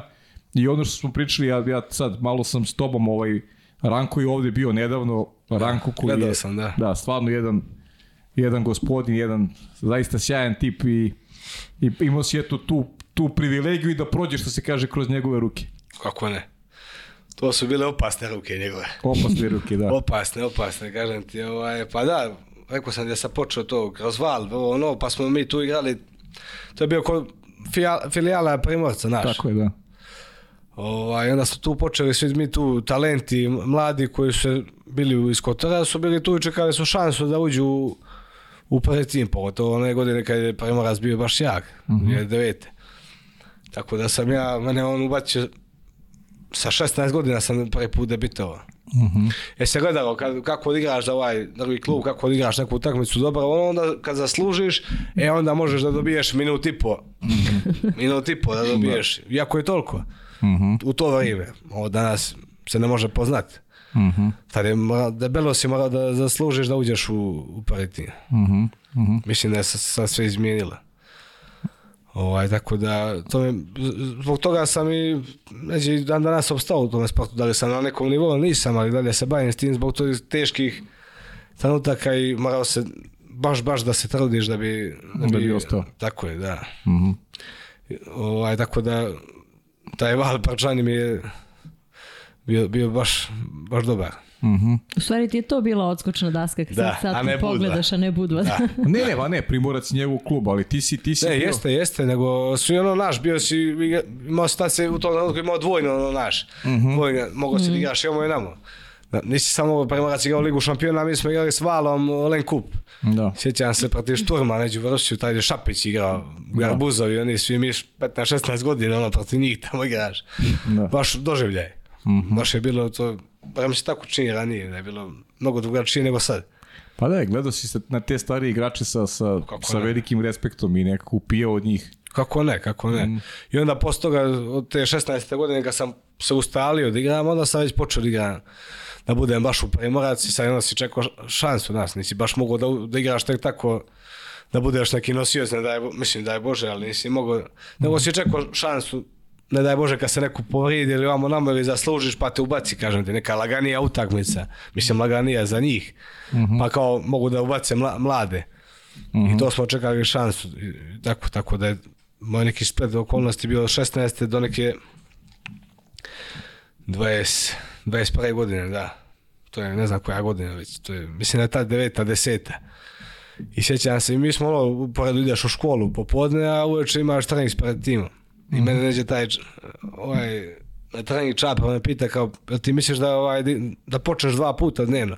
Ako čak i naš dva, čak i u školu ide, kako ću sad ono, u školu da ide? E, ako hoćeš da se baviš, kaže, ozbiljno moraš ono da... Mislim, hoće sad da ovo nije istina, znaš. Se... Mhm. ovaj, ja, sad ću ja, ti da se ispišem iz škole, mhm. normalno s tatom i mamom, se konsultujemo i normalno ideš u tim da igraš A za vidi dok iš, svi oni tamo će, kako nećeš. Jeste, da. I ovaj, to je bila deseta, dvije deseta. Ovo je istina živa. Ja dolazim prvi trening, kako sam iz škole, uh nikog nema na bazenu. Nikog nema, nikog života na bazenu nema. Ako što je ovo u deset, znam da u deset mene tarantana. I ja zovem ovoga, kuma mojega Darka, što je, kaže, štrajkujemo. A od tad je već počeo, ono, nema para, kasne se po deset mjesecima stvarno ljudi s mhm. familijama nemaju, mhm. ne dobijaju centa, ne razumiješ, ali kako se to namjesti, ja se tamo ne spiše miško, ne razumiješ. I niko ne dođe na da trening. Da počnemo ono ozbiljno kao nešto, nema nikoga od da otvora na teretane, a što ću ja sam tamo, da. e to ti je živa istina. Da. I sad kad su bili, izvinite, sad kad su bili, bili su kod nas na sparing, su bili čitav dan, ako šećaš se noge, ma kaže, to nije istina, kaže, ne mogu. Čopro kaže. je, je. To sam oni vide, i vide isto, pa i oni vide, da. bio tu isto, vide Lompar, pomoćnik njegova. Mislim, sjeća se on sigurno, ba, da, da što neće da, da preznaje. Onda se sjeća. Jesmo mi bili njegovi bukvalno sinovi, ja i moj kun, ovaj Darko. Darko, aha. On je nas volio i, mm. ko sinovi nas volio. Mhm. Mm To samo zamjera isto što me nije spomenuo u podcast tad. E, to sam teo, da. Da da, da. da, da, da. Kaže, nije makad. to sam teo da ti I neka... Tako ti je, pa šta, šta je bio dva i po sata, nije imao. Da, pa da. Pa da. Kada ti... Još A i da. tebe da se sjetiš u tada. Mađe, pa Mogu samo život za kurak čovjek. Da. Htjela sam da pitam još o toj saradnji sa, sa Rankom, ali već, već si sad dosta toga ovaj, opisala. Šta, šta ga karakteriše kao trenera? Ajde, u tom nekom stručnim smislu kada izuzmete vaš neki interni odnos, privatni. A vidi, sad ja ne znam kako da ti objasnim, a to, to, to čovjek koji pojava kad dođeš tamo, kad ga vidiš, da mu vjeruješ sve što ti kaže, bukvalno, nema, to je smiren, znaš, kad treba da te, što kaže, izviče, izviče te, da te udari kao klince, normalno sve to. Vaspitno, ne? Tako je, mhm. tako je, svaka mu je bila na mjestu, razumiješ, sve što ti kaže, to je to. Gledaš ga kao Boga i, i nikad, nikad ti nije rekao nešto pogrešno, tako da, mhm. nema, čovjek, veličina ljudska, mm. samo to mogu da kažem. Mm -hmm. Da. Bio si, bio si deo Primorca, ti si bio praktično 15 igrač, ajde, mogu tako da te... 15, 15. 15 igrač Primorca koji je bio prvak Evrope. Jes, da. jes. Imao si, imao si tu, eto, rekao si par gostovanja, šturm. Po čemu ti pamtiš onako kao klinac? taj period, verujem i taj doček koji je bio nezaborovan Pamtim, titula prvaka Evrope. Pamtim, što meni nisu 2009. kad su osvojili to, ja sam bio 15 igrač onda nisu vodili 15 igrača tamo u Rijeku. I Aha. popadnika, što sam se naljutio, pa nisam dolazio 5 dana na bazen. Ko sad, vi ste išli tamo, uzeli medalju, ja, ja, ja iz kuće gledam. znaš, niko se nije šetio da, da te povede, znaš. Da, pa dobro, pravom si se naljutio. Pa jeste. jeste. Pa jeste, stvarno. A jeste, a tad je bilo, samo mi to da osvojimo, znaš. Da. Mogu ti reći da si Jes... bio košarkaš, bio bi Mike James, evo sad ću ti reći. A jesliš? Da, da. da. Sad kako prepričavaš te anegdote ovaj, i, i ovaj, ponašanje. Ova iz Monaka, ja? Da, da. E, hvala ti, Boga mi. Pa, pa bi nije loše, bi bilo da, loše. nije loše. Još da imam ruku kao on, bilo bi odlično, znaš. A čekaj, ali si, i si ih dočekao ili nisi? I si bio ljudi? Ne, jesam, ne, dočekao sam i posle ga su bili obešti i to sve, ne. Pa. Mm. Bio sam ljut tih 5 dana, razumiješ? Da. Kad su došli, ne ne, oni su došli, dočekao sam, onda posto toga nisam dolazio. Posto toga nisam dolazio. Došlo je vreme kad on ne dolazi na trening. Tako, tako, da, da. tako. Da, ti si, to, se ti, si sorry, na, ti si naknadno bio ljut. Da, tako da, je, da, da, naknadno si bio ljut. On je imao individualni štrajk. da, da. da. Tato zvali, mamu, gdje je on uđa? Neću ljuca. sad. Idemo malo posle to opet. Pa da, logično. Pa I posle se da iz škole i... Posle ispišali škole. da, da. Džave, uzalud. Tako. A, završio sam nekako, ajde. Pa dobro, da. O, pa to je najvažnije, da, si, da, da si se vratio, na, da si se posle vratio. tako je, tako A kaži mi ovaj, a kaži mi ovaj, po čemu još, ajde, rekao si malo to, to Šapić, ajde, nešto što, što je tebi važno da, da, eto, da, da ispričaš pa, samo te, za taj samo period. te, tu mogućnost što sam imao sa tih 16 godina, uh mhm. -huh. da igram protiv Šapića, koji je bio, da, mislim, koji je bio vele sila u Waterpolu. Zapravo ipak to bio neki novi nivo za tebe. Ma kako Tako, nije, da. kako nije. Baš veliki, koji mi je dosta pomogao u tome sve, znaš. Ti nisi mogao ništa da učiniš protiv Šapića, ali si mm -hmm. dovoljno te da igraš, da ga vidiš u tom trenutku. Da, da. Da ga vidiš, onda, onaj Garbuzov tad. Garbuzov, da. Pa posle toga kad sam ušao u Paratin, gdje sam imao priliku da treniram sa Kišom, sa Štajmecom, Azevedom, sa mhm. svima ovima, sad Draško, naši mhm. ovi Janovići, to je mlađan je bio, nije Nikola, Mlađe. da. Mm -hmm. Nikola je bio, pošao mlad iz trenutno. Tako da me sigurno bilo ono... Samo da budeš sa tim ljudima na, na tako bazenu. je, tako, da, pa i da, da učiš, nema, ti, ti mađari sjećan se, mi smo tad nas par je bilo klinaca u pred tim, sa, ovo mi 16, oni u tom trenutku 27, 30 možda godina su imali mm -hmm. kišeni. Oni se nama ostaju po svakog treninga da ti, da ti pokazuje kako igra Šapić. Mm -hmm. Zavisi ako da. ja igram zgodno, on meni pokazuje kako igra Šapić, ovaj ne nezgodno kako igra Čirić, Lupav ili to naš odbran na sve te neke poluge, ne znam kako se to zove u Waterpolu već. Sve, sve, sve, sve. Mm. Postavljanje, šut, sve da ti sve da ti objasni, znaš, nije bilo teško, a čovjek ima tri olimpijade. Da, svaka čast, stvarno. Pritom su stranci, mislim, nemaju... Da, i tad je da. bio Emil Nikolić, sad, koji je, e, koji Emil je, bio, da. koji je sad tu trener. Pomoćni... E, pa o, obiću si mi da ćeš Emila da dovediš u podcast. Hoću, ja ću ga vozi lično. Hvala ti. Kako te je navuko ovo javno da kaže, sad ovo nije realno. A jesi, svi jesi, pa ne, svi su čuli. sad kao obećaš, moraš ispuniti. A pa moraš. Tako, pa tako ide. Tako sam i Miloša Laureta navuku da, da, da kažu emisiji će dovede Dubraka Šimenca. I rekao je emisiji, tako da čekam. A nije još bio, čekaš ga? Nije, nije čekam. Da, da, Ma Pavle ima rezervisanih još to emisija. Što ja? ti je? Pa da, ej, ovo će traje. Da, da. Ihahaj. Da. Neka, neka. Tek smo počeli. Pa čekaj, treba budeš ovdje kad postaneš trener. Trener, da. Pa ne, normalno. I treba Ranko ponovo da dođe da priča o tebi, tako da već Zvaću imamo dve... Zvaću ga za pomoć, znaš. da pomoći si. A ček, ko je ostaje veći utisak? Znaš, to, to su legende Vaterpola. Gergelji Kiš koji je u to vreme sigurno na toj desnoj strani možda bio neprikosnoven ta leva ruka. Imaš utisak kad se digne iz vode da ne možeš promaši Ođe. nikad. Znači je toliko osvetionije ja da se digla. Tako, a da. Tako gledaš, ono ovako. Ne može, to je, naš sportista je pre svega dobar mhm. je čovjek. I taj Štajmec isto. Štajmec isto, a? Štajmec Adam isto. Štajmec. Adam isto, Azevedo isto. Toni Azevedo, da vidiš, te, njega sam i zaborio. Toni da Zavedo isto je čudo, čudo. I kao igrač, i kao čovjek. Sve to su ljudi bili koji nemaju kompleks, mislim sad nema, kao danas pitaš nekoga kao nema živaca, da ti objašnjava nešto. Da, nema, da. To, to ostane s tobom po pola sata čovječe, da ti objašnjava. Čovjek ima doma porodicu, ne znam, mm -hmm. vatar pa mu je mali mozak. Ono, stane s tobom sve, objasniti kako šta. I to nije samo jedan dan, to je mm -hmm. svaki dan. A ko je imao te trojke, ajde kažem, na, na tebe najviše utice, uticaja? E, kako misliš? od, od njih trojice, ko ima od tih stranaca, ko na tebi ima najviše utice? To, to ni možda, pa, on je tu negdje. Pa zato što je pozicija ta, pozicija njega, on tvoje, je bio da. nekako tu. Mm, tako sam i mislio, da. Da, da, da to ne zavede, da. Mm. Svakako, mada i Kiš mi je dosta pomogao, s obzirom kako objašnjava kako da igraš. Mm -hmm, mm -hmm ja igram na, na njegovu, protiv njegove pozicije, pa mi je objašnjavao kako da, da ga prođeš, da ovo, da ono, te neke cake, tako da, uh mhm. -huh. bilo je tu dosta toga. Mm -hmm. Protiv koga ti je bilo najteže da igraš? Ili ima, ili ima nek, ne, neki rival ono, od igrača o, da si došao kući da si rekao ovo me izmučio, moram sada ono, se odmorim tri dana od ovoga? Nije me toliko izmučio, sam bio dosta mlađi od njega, to je Aleksandar Ćirić, on je igrao budu. O, to, si, mhm. to, to su mnogi rekli. O, nije me tu koliko ostale, nije stvarno, sam bio dosta mlađi od njega, pa vjerojatno bio žao. Aha. Aha. Ali on je tada igrao budu, ja u primorac, tako da je, da ne možda to pliva gore, dolje, skok, vamo namo, dobiješ loptu, odmah si na dno vode i nema to. mm To mi je najteže s njim bilo. Da, definitivno. No, to su mnogi rekli, znaš. Ma, nema, nema, nema, nema ko još. Ali ima sad neko mlađi tebe ko, ko te muči, uslovno rečeno, u bazenu? Pa, mlađi nema. Ima Mandić, on je mlađi od mene. Ima Mandić. On je mali Mandić. On je mali, da. Ali da, mali Mandić, ne da me muči, znaš, ali teško jabate pa ne, mm -hmm. ima dva metra. znaš, nekad je, kad smo počinjali, je bio manji od mene, mislim. Aha. Mi smo bili dobro, znaš, dok nije pošao on partizan, pa svako svoj put. Aha. Dobro, dobro, dobro, da. Svako svoj ovaj put, pa na nje, pa ono, znaš, nismo više toliko u kontaktu kao prije, mi smo zajedno se odgajali, bukvalno. Mm -hmm. Tako da je bio dosta manji od mene i sad ja puno kad sam, kad, kad, kad sam ja došao u Srbiju, on izašao iz Partizana, kad sam ga vidio, koji sto ti manda, Poraslo dete. Poraslo. Tako je, da, mali manda.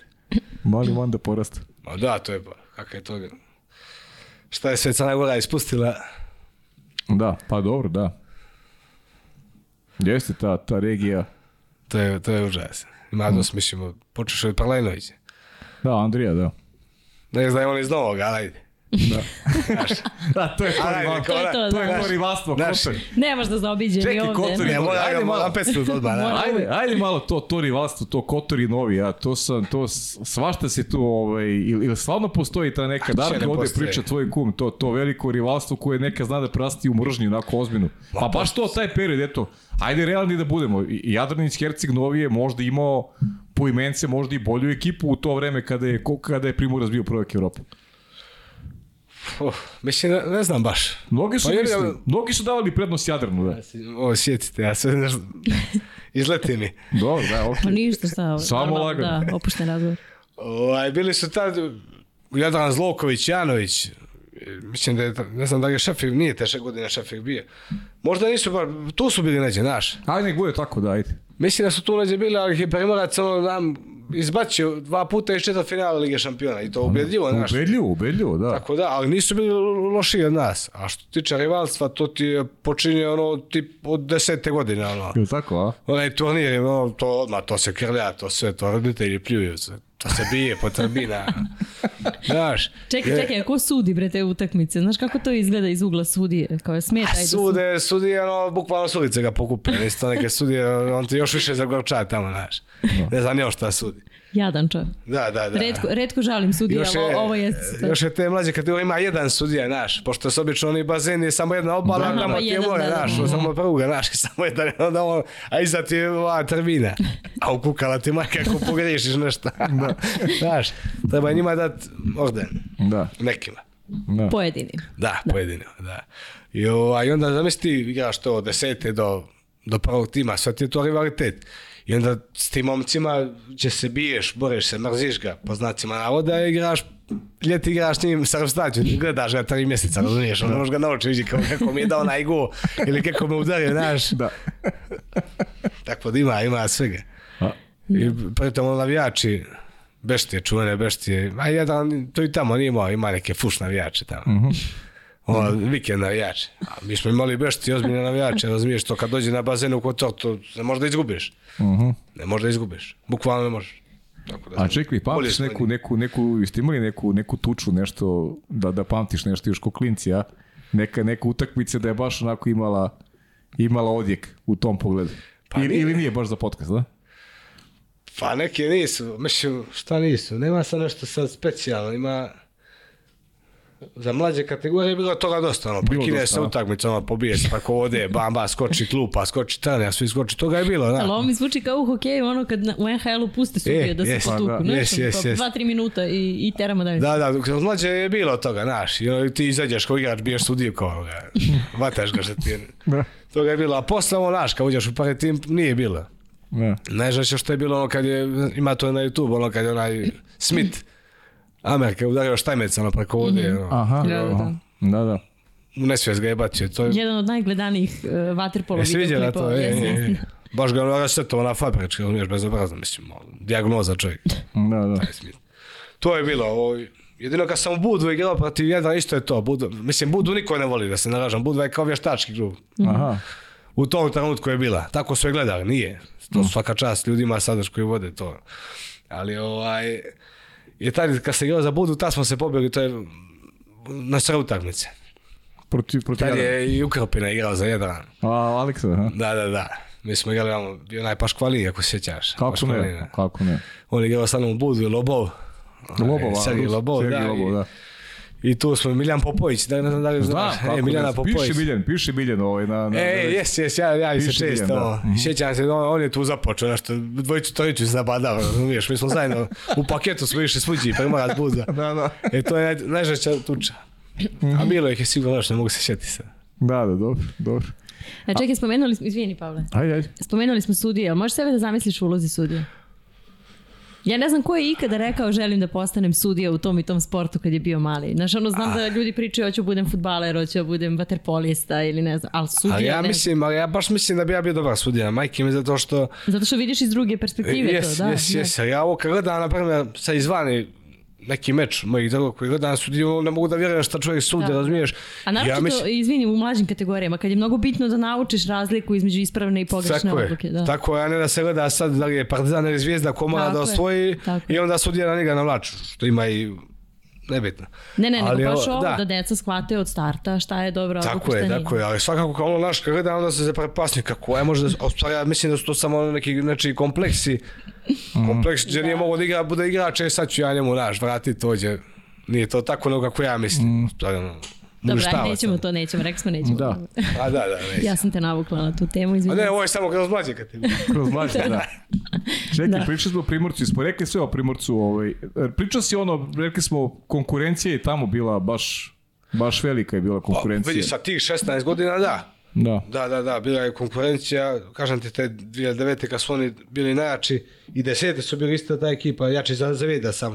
Mhm. Uh -huh ovaj, deveta sam igrao tipa te Jadranske lige, to je vikend, možemo mm. i dalje pričali koji je bio svaki drugi vikend Jadranska, pa neka je lakša utakmica da povede nas, mlađe, razumiješ? Mm -hmm. Mene i Miljana, tad smo I, Miljana, i da. Nikola Mršić, on isto bio s nama, sa Uegir, da. Mm -hmm. Mršić. Mhm. Murišić, da, da, Murišić. Da, da. I onda smo, da, što tako čekali. E, a posto toga deseta je već bila tu, kašnjenje plata, ono, tad, kad moje čuveno ispisivanje iz škole, kad sam dočekao zatvorenu teretanu. I onda posto toga 11 TV su svi pošli. Uh mhm, -huh. Mhm. Ostali smo samo nas, par tih klinaca koji su bili i još, već, još mlađi od nas i onda smo mi bukvalno ovaj, mi ostali tu na milost i nemilost. Uh -huh, uh -huh. I međutim nismo bili loši, mi smo primorat će vas da imao dušu, vas da si znao da igraš vaterpol, da li imao ti 15 ili 20, znaš da igraš da, da. vaterpol, nema tu, uh mhm. -huh. tek je počeo ili ne znam ja nije trenirao, znaš da igraš. I ovaj, I tako su onda, znaš, tada je, tad je Čapar je pošao i on, ostao je video Lompare, video no, mm, pomoćnik, on nas je vodio tada.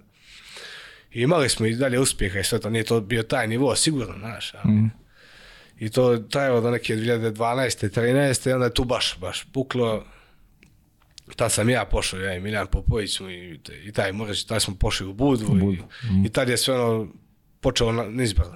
Mm. I dan danas to traje, mislim tu su sad kao isplaćeni te neki dugovi koji su bili baš veliki, ali nije to kao nekad. Da, da.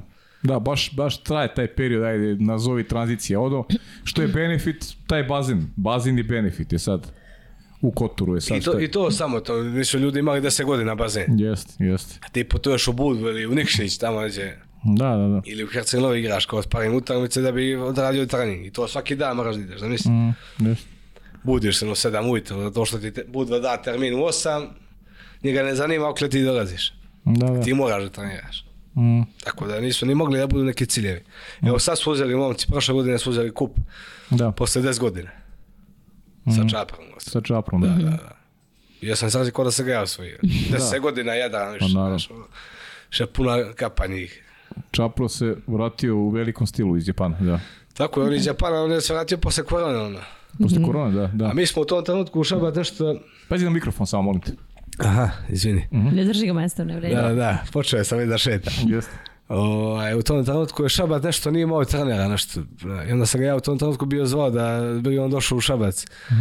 Međutim, imao je neke parodične probleme, nešto morao je majku da posjeti vama nama i onda nije mogao da dođe. Uh mhm, -huh, A bio je slobodan i ti je baš da dođe, međutim tako se namestio da nije. I onda se uvijek sjetite, ako da si došao čak i tada. Da. Možda bismo osvojili opet nešto. Dobro, nikad, nikad ne reci nikad, ko znaš Ne, normalno, normalno. A kaži mi, ovaj, to je znači to onda taj period Budvi, imamo još nešto kažemo o Budvi, osim što ne patiš baš po najboljem ili možemo da, da pređemo u Italiju, Laganović? Sad sam htjela da kažem odlazak iz Crne Gore prvi put. Pa Budva, da, Budva sam bio godin i po dana, ta prva godina je bila odlična. To su bili dobar momenti. Pa Škvalin je bio tad. Mm -hmm. Sjajna ekipa, razumiješ. I, a nismo ništa, nažalost, uzeli. Jedan nas je opet dobio. Uh mhm. -huh. Nešto je bilo, na pojma, ali... I onda od tad isto ovaj predsjednik nešto tu počeo kažnjava, kao nisi osvojio, nisi ono, i onda se ja tu još ostao još ono polu godinu, šest mjeseci, i nisam više mogao da izdržim, to je bilo baš ono psihičko maltretiranje. Nemaš platu, nemaš ono, sjeća se, boli me zub, Ja ga zovem, imaš i 50 da mi daš za zub, da idem na da popajem zubu. Mm. Bukvalno tako bilo. I on, i on dođe i daš, 50 da mi daj, ja kao ide. I on tam je naš, on, da, da. Eko, ja ne mogu, ja se vratio u Kotor, ja nešto pošao do, do grada, tamo do banke, ja sad ne velja u Skokovića. Velja, da. I on je bio čak trener posle vida, to da ne zaboravim, i on je bio trener. I Matanović Damir, uh mhm. -huh. ne zaboravim, ima ih dosta pa da ne sad. Uh mhm. -huh. I ovaj, veli, pita me on kakva je situacija, ja kažem nisam više tamo, ono, ne mogu, ono, i što, hoću da ti nađem klub u Italiji, hoću. I on odmah zove nekog čovjeka tamo, Salerna, pošto su oni bili tamo svi. I ja odmah. Na kjeca, hoću, hoću, posle 10 dana ja Italiju. za Italiju, Salerno i... I ovaj, tako me, bukvalno me spasio. Mislim, gdje ćeš naći klub u Crnogoru, od tri kluba, da. ne možeš naći a tek da u inostranstvo, teško je bilo tad, bio si mlad. Mm -hmm. Mislim, možda si i mogu, ali u to mom trenutku mislio sam da nije. Mm -hmm. I on mi je došao kao naš. Kao spasnik. Tako je, da. I pošalje me tamo kod, to je A2, to je druga liga bila. Mm -hmm. A1 i A2 je bila. Mhm. Mhm. I tamo pođe na polusezonu i odlično. Pa će tamo opet, se vratim sve full, full, budu zadovoljni sve ono, međutim, tako su, italijani su na lošem glasu po tom pitanju malo, određeni klubovi. Ja se s njima dogovorim da za sledeću sezonu, međutim, taj praćeni se nikad nije više javio. Doveo nekog igrača posle za manje pare. I ja opet tu izvisim šta ću ono, ja se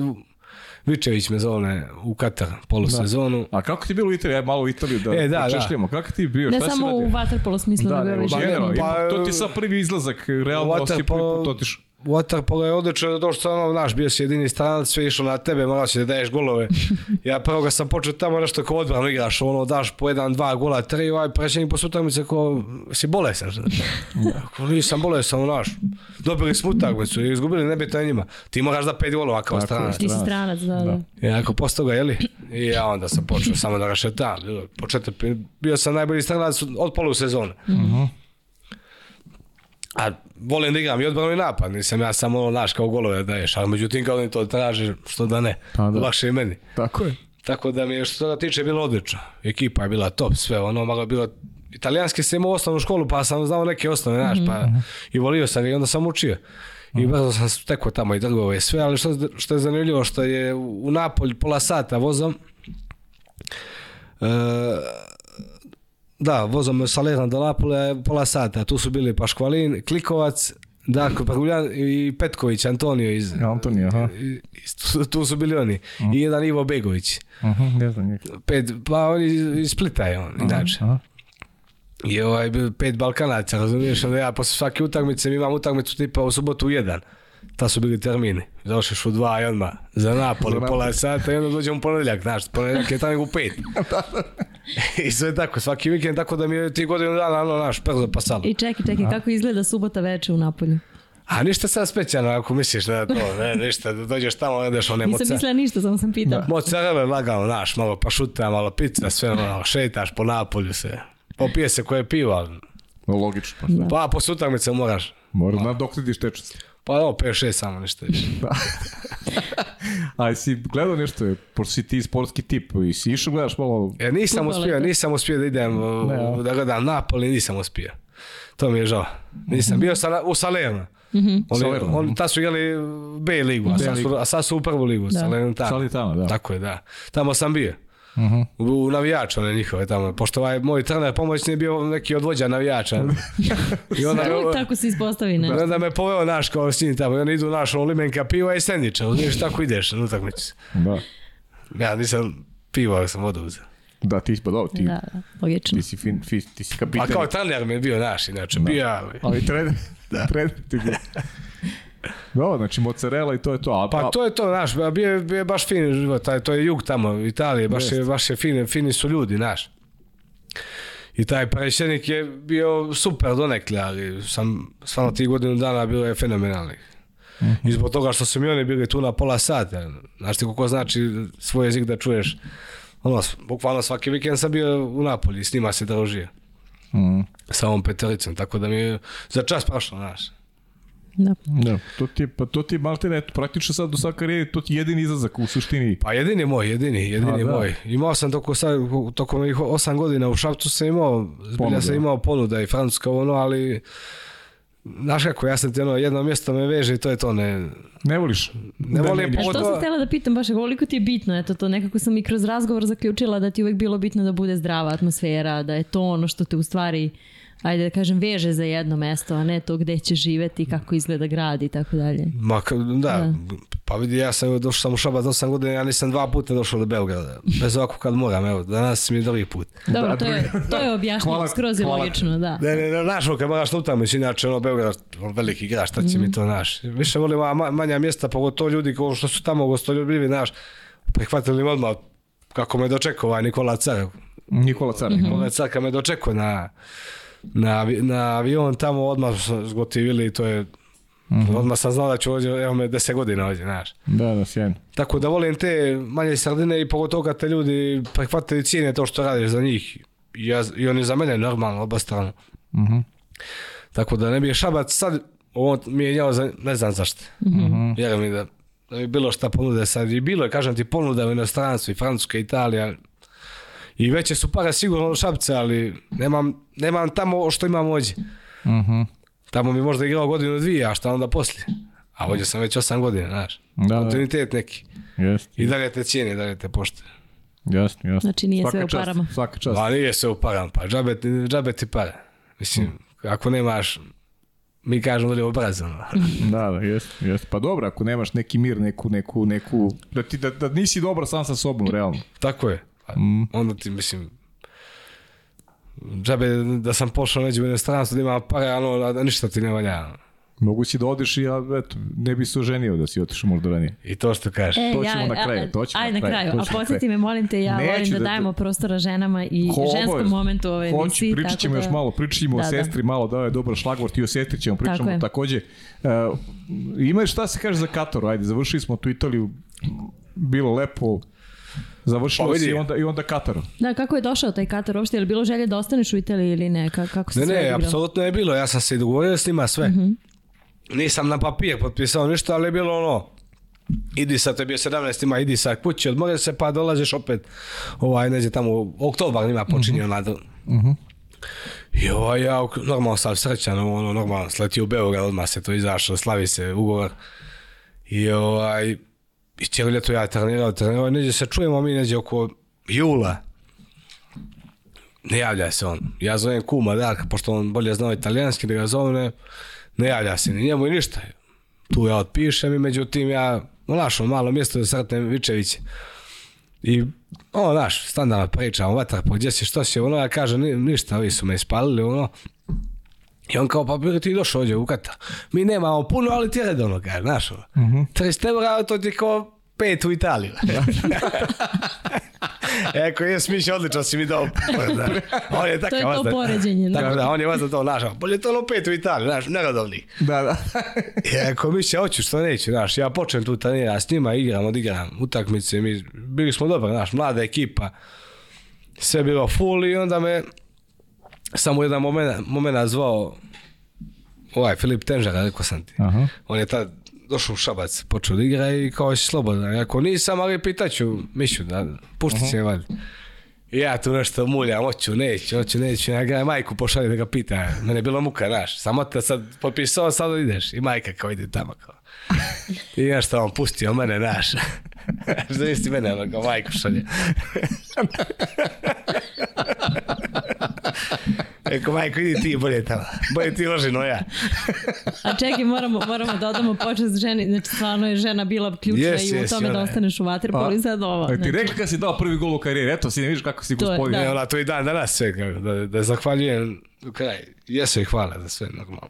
Yes, Ali to je scena, znaš, kada ću ja sam mišljen da pričam, sam mukam da mu kažem da hoću da idem u Srbiju, razumiješ, a tek potpisao za njega. Majko, aj bolje ti to. Da. Ta marači nešto, da mora da idem da studira, znaš. A 23 godine, gdje ću što napisati? Fakultet sa 23. I tako ti je počeo. I onda sam došao tu, ta su bili eh, Boris Popović. Boris, aha. On je bio ta kapiten. Uh mhm. -huh. Šapca bio je Rackov. Rackov, da. Marko Matović, Šormaz. Uh mhm. -huh. Čudi da se on je javio. Da. Da, ne čuveni. A, ovaj, ne, ne, i bolje. I bolje, a? I bolje, bolje. Ovaj, tako da je bila strašna ekipa kad sam u tom trenutku došao. Uh mhm, -huh. Znaš, nisam se pokajao u nijednom momentu. Izvragadno. Kako je iskustvo životno bilo taj, taj Katar i, i sve tamo? Kataro, mislim, ne, da, pa Katar. pa dobro. Katara, to je da, italijanski da, naziv da, za da, Kotor. Za Kotor, da. Pa nima, mislim, znaš, to je moje mjesto Jer... to bilo, znaš, to je Katar je u tom trenutku bio baš... O, da, oh, Katar... Katar... Šta je? Ajde, ajde, ajde, izvini. Da. Kad su oni osvojili onaj... Oni su oni isto, osvojili... iste godine kad i Primorac... Kad je Primorac osvojio Ligu e, šampiona. E, oni su Le, Len Kup. Len Kup, da. Len Kup, Len Kup. Da. Tad Gojko branio u Kataru. Tako je, Gojko i Đole Filipović. I Đole Filipović sad, ovaj, oni da, su, da, oni su igrali, da. Je li, je li to za tebe bilo nešto novo u tom trenutku ili ne u smislu nivoa uh, igre, tvoje uloge u ekipi, je li bilo pa, nešto vidi, drugačije od onoga što si ranije pre, pre Italije recimo pa, ne, imao u karijeri? Znaš kako, nemam ja, možda će mi neko pogrešno, nemam ja neki nivo sad, da kažem, vata pa da je ovo prva ili druga liga. Ja gdje god da igram, idem da igram, znaš, ono, da. da li je to sad bila druga liga ili prva, mene to ne zanima. -hmm. Da li sad ti imaš 20.000 ili 50.000, ne zanima me, znaš, kad ideš neđe ideš da ispoštuješ to, znaš. Tako da nema neke te prva, druga liga nivo. Ja sam u Katara došao isto da igram kao što sam igrao i u, u, u Primorac one godine kad smo bili najjači. Mm -hmm. Tako da nisam imao te, ono, znaš, kao da razim u Katar, raspada se, no. Da, da. Nisi imao osjećaj te razlike da, u, u ekipu. Ne, ne, zato što tamo se ljudi ne ponašaju kao da su one niža lige. Da. Nego se ponašaju, hoćemo da dobijemo svaku. Vičević, Vičević je tad bio trener meni. Sad je Ivan Bjelobrković neki. Vičević, Vičević kad ti s njim, kad ga slušaš na sastanak, može dobiti reka. Nema, to je mhm. tako samouvjereni naš, on priča mm -hmm. to mhm. ko, nema, i ti kad vidiš takvog trenera da ti to kaže, ti ne možda igraš loš, mm -hmm. možda izgubiš, ali možda te neko prospe da se razlike. No, Iako si ono budžetom i kakao od nekog. Mm -hmm. Tako pa dobro, da, ti znači- treneri za generalno pravo, budžeti ne igre, igra. Tako igre je, igrači. igre igrači. To i dokazuje, koliko rekao godina nije osvajao. Tako je. A ima Liga da. šampiona. Pa eto, da. pro rekao da, koliko, koliko ima promašaja rekao i bili su uvek ubedljivo najjači roster su imali uvek. Kako ne pa. A da. je, li, da, je za tebe bilo velike razlike u načinu života u Crnoj Gori, u Italiji? Jesi li u tom smislu imao neku ne, potrebu da se posebno prilagodiš ili ne i tako dalje? Ne, Mhm. moje rituale ne menja niđem. Pogotovo mhm. ta jug Italija je nešto da, slično da, da. kao kod nas dalje. Ono, na. Da. To se pije kafa, no stop, ono, novine se čitaju, sve sunce, samo je, e, da. sve, laganezi, sve. Mhm. Nema da, da nađeš voješ, ono. Trening te u jedan ima ankat. Se digneš u deset fina. A nemo mi daje trening u osam, u šest da se diše. Da. da. Ne, ne, Italija je lagana totalno, tako da mi, ni, lagano sam se prilagodio da došto što isto totalno bilo. Slična mentalitet. Ma da sam ja takav, gdje god da dođem, ja sam isti. Mm -hmm. Kažu, znaš, u Mađarsku nema života. Ma ja bi bio isti, ništa. Ono što mi treba, to mi to, ne to. Mm. Sad. Tako da sam lak za prilagođavanje. Znaš što mi odzvanja stano ovaj, gostovanje Borisa Zloković ovdje? Jednu, jednu stvar interesantnu rekao i voli vas, često vaš sa, sa Primorja ovaj, da podsjeti na to. Boris je rekao jednu ovaj, interesantnu stvar, kaže da mu, je, da mu je žao što nije recimo prošao kroz Partizanovu školu gde, gde igrače uče da ako možeš neku da, da ubiješ sa 20 razlike, ti ćeš gubiješ sa 20 yes. razlike. Kaže, a mi dole, kaže, mi ovaj, povedemo yes. sa pet razlike, pa se onda opustimo, pa nam ovi priđu na gol, pa onda mi opet zaigramo. Nikad, kaže, nismo li tu crtu da nekog, da nekog, da nekog yes. bijemo od početka do kraja, a? Jeste, jeste. To je jedino bilo u slučaju Primorac Četran. Tu ako si mogu da ga dobiješ 50-0, 50-0 ćeš uh A ostalo ne. Tu je upravo totalno. Partizan je laš. Ako možete da dobiješ 60, 60-0 ćete dobiti. Mm. Nema, A to ne. važno, koliko je to važno za oblikovanje karaktera igrača? Nešto što pa- stekneš naviku od malih nogu da ti... Tako je, apsolutno. Mm. Apsolutno, ako ti to usadiš nekom od kad počeli da, da se 10-12 da godina, ako ti njemu, mm -hmm. ako ti njemu usadeš da to tako mora, da, da ti je pobeda pobeda nema tu mm -hmm. kao igraš, boriš se, to ne postoji više. Svi volimo da pobjeđujem.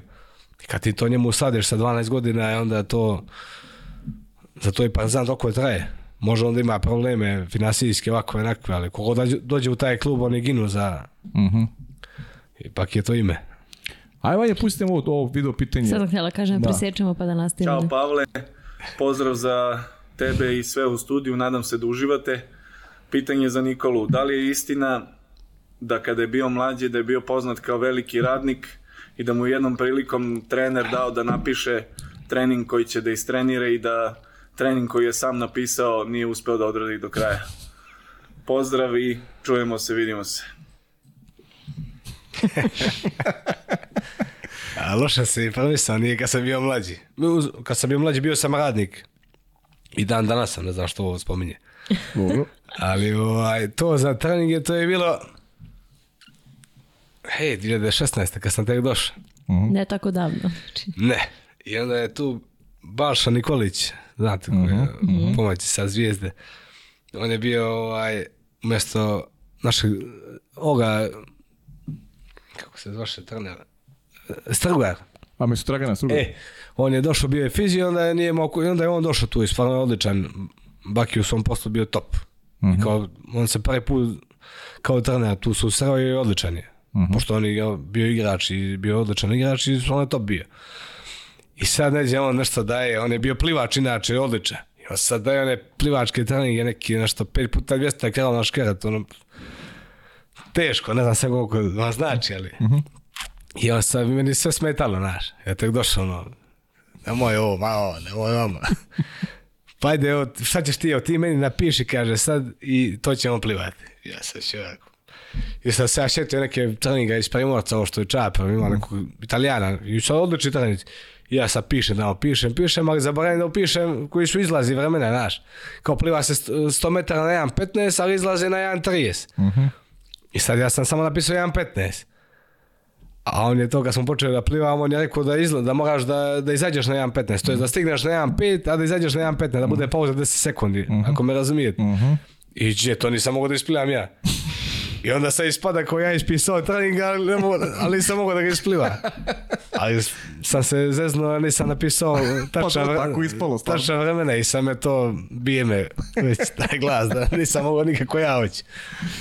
Dobro, pozdrav mm. Stefanu. Čekamo ne, ne, veliki pozdrav. Čekamo Stefana ovaj ode u podcast. Pa ne, to da. isto apropo ove trenerske karijere potencijalne. Sad ćeš paziti šta pišeš u trenizima. Tako je, ali nije mogo da dođe on, stvarno ima, ima obaveze u Šapcu. Ima obaveze u Šapcu. ne, ne, ima obaveze u Šapcu. Ima strašno obaveze u Šapcu. Jesno. Pisao je fakultet, ozbiljno, ako ne znate. Opisao fakultet? Da, da, da.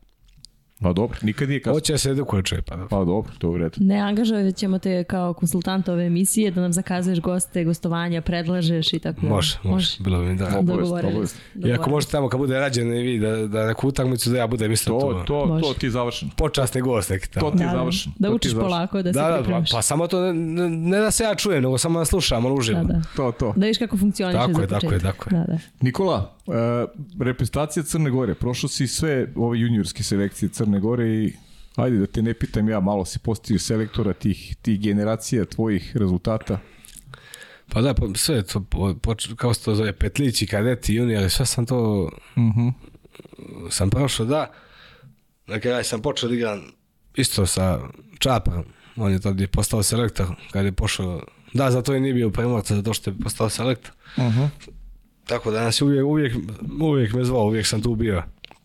Doduše nisam imao priliku da igram neko veće takmičenje od, od Svjetske lige zbog velike kon konkurencije. To su bili dva Janovića, Pasković, e, Peđa Jokić, Darko Baruljan, Leka Ivović, lijevo desno djevče, znači nisi imao, ali no, bio si tu, konkurisao si, znaš, mm -hmm. to mhm. ti je bila čast, već se da igraš. Mm -hmm. Tako da sam bio sve tu do neke Igrao sam te svjetske lige, da, igrao sam u Čaljabinski smo igrali ovaj, 2013. 13, da. To sad kad bi rađen isto tad igrao uh mhm. -huh. Srbije. Uh mhm. -huh. ovaj, tad smo uzeli treće mjesto, to mi je bilo zadnja svjetska liga, a posle ga je bio Fina kup u Kazastan, 2015. Uh -huh. I to je bilo neko moje zadnje, zadnje ovaj, učešće, učešće za dostać. Nažalost, ne znam zbog čega, to jest znam, zato što je bila je smjena u tom trenutku trenera Čapa na Gojkovića. Nisam nikad dobio objašnjenje zašto nisam pozvan na jedne pripreme, ali bože moj. Uh mhm. -huh. Ne zamiram nikome, to njima na čast. Ako imaju neki razlog, ja sam mislio da treba da mi se kaže, pa. Što je mhm. normalno u svakom sportu, jel? Uh mhm. -huh. Kažeš nisi pozvan zbog toga i zbog toga i to je to. I eto, ne znam, mislim, to je to. Imao sam par, koliko godina si igrao? 5-6 godina da si igrao. Mm -hmm. Ono, igraš ponekad, igraš, nekad ne igraš. Sve to, sve to bilo, sam bio dosta mlad. Mm -hmm. Sad kad je trebao da neki bume, tu sam, mhm. tu, tu je zastalo to. Da, da, da, neka, neka šansa. Ti juniorski dani, kako pamtiš ti juniorski dani? Te, tu... Pa vidi, mi smo vas da bili tu neđe, ali nikad ništa nismo uzeli. Znaš. Je tako, aha. Naj, najviše gdje smo bili blizu je Šibenik 2009. Ustavljamo Da, Šibenik 99. to je za 9-1, 9 generaciju. Da, tu smo bili, izgubili smo od Srbije baš ovaj, za treće mjesto. Uh mhm. -huh. Da, nam da, je ovaj Vuksanović, Srđan, Srđan da. zadnji go, zadnji pa. sekund za 7-6. I igru si sledim u Šapcu. Da, da, da, i poslije se, to mu nikad neću oprostiti. Uh mhm. -huh. Da, da. Da, ovaj, inače da smo uzeli treće mjesto, ja bi tu bio MVP. Je tako? Da, da, da. Mhm. Onda mi to parametri. Lično te je pogodilo, da. da. da. Uh da. -huh. Ja posle toga sam, da, igrao za 89, to je isto bilo, tad je bilo to juniorsko isto, da, 89, to je generacija Darko Klikovac Čevini, e tu smo uzeli drugo mjesto, to je jedino što sam uzeli. Oh. Za te mlađe. Za mlađe, ha. Da, to je uh, mlađe od seniorskog. Okej, okay, da, da. A starije je moje, da, 89, ja sam 92 generacija. Uh mhm. -huh. Tako da, mislim, fino, fino jedno iskustvo, bar, bar zaluženje to fenomenalno, samo eto ta žal što nisam i dalje. Značilo bi mi dosta, ne sam, i da igram normalno, a i da preko ljeta održavaš formu. Teško je mnogo da kad dođeš posle sezone teške, da sam sebe nakanim da ja počnem da treniram. Počnem 15 dana onda posle da kažem. Aha. Uh Aj, za dva dana ću pa ću onda početi. Odlažeš da, da. da. I onda dobiješ 10 kila viške, da mu mučiš se tako. Uh mhm. -huh. Da, lakše bi ti bilo da si prolazio kroz te repetitivne selekcije, bio bi konstantno... Apsolutno, da, da. da. da. Da li ti... A nisi bili na širem spisku kasnije, znači uopšte nisi nikako, pozivao. Nikako, nikako, Znači, od 2015. dakle, od nijedan poziv. Od 2015. kad se Čapa promijenio, mm -hmm. to kad su ga igrači promijenili ti neki sad, nebitno. Da. Kad je došao vlado, onda nikakav poziv, ništa. Mi dan, danas kad me vidi ovako, mi se ono, koji, ko da smo kumovi, izljubimo se mi sve to, sve. Da. Ali nikad nisam dobio objašnjenje, niti se ga pitao. Niti si ga, pa dobro. Ako mi nije dao tad, što bi mi dao i sad. Mislim, da, da. sad da ga pita Ana Mus, glupost, ali ne vidim. Ima ali nešto ne... u osvajanju te letnje lige, očigledno. Pa, moguće da se nešto, možda sam dao više golova od njega, to je sigurno, zato što da. stoje ovaj na centar tamo. Baca lopte, one njegove čuvene, dobar je igrač, ali... Da. A taj Čeljabinsk 2013, e, ali tako kako se nevjerojatno da, svetska da, da. liga, po čemu pamtiš osim u ovom rezultatskom smislu? A pamtiti ga po tome što sam došao, došli smo tamo, ne znam, kada popodne i sad ćemo da zaspijemo, 10 uveče sunce sija. Konenti se, 10 uveče sunce sija. Da, da. Ne možeš oka slopit. A zavije se neki hotel, to ne znam, da li koji kad bio u Čeljabinski hotel, ne. zavije se to je kao ovo ovako. Pavidno, ne možda, ne možda spavaš. Uh mhm. -huh. Konenti se, 10 uveče sunce sija. I tek neđe padne neki mrak, nešto, ono sumrak padne neđe oko 11, u jedan sunce. Da, da. E, po tome ga sanja. Ovaj, Pamtiš, i sanja mi pamti. da. sanja mi pamti. da, dobro da, sam rekao. Da, da, takav deo da planete, da. Pa da, da, da. ja, meni žao što nisam bio, ja, ja bi išao gledam traktor.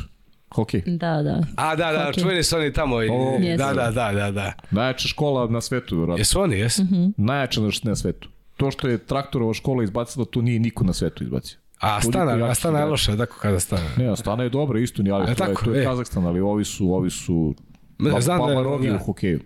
Baba Rogi. Čuo sam za njih, da, da, da, da. da, da. Pavle veliki ljubitelj hokeja. Da. Ne, da, znam, znam, zato i kažem. Čeljabinski ono, znaš, ne mogu da vjerujem.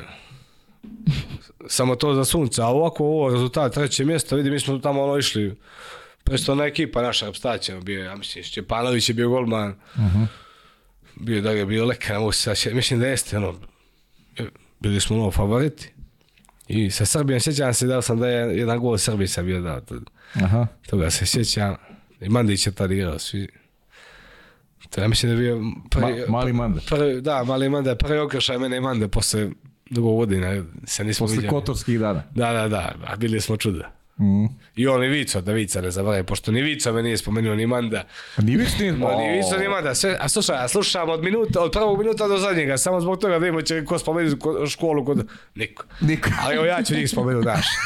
Ja stari svi, od, od njih stariji ja ću spomenuti. Tako je, bravo. Ti moraš vodiš računa o mlađim. E, prvo svaka čast, stvarno je čovjek pogledao sve podcaste, vidim da pa je... Ne, ne, ne, pa sve. Ali on ima drugo... aplikaciju, ima aplikaciju, sve mu dolazi. Da, da. a drugo, ovaj, spomenu ih i sve.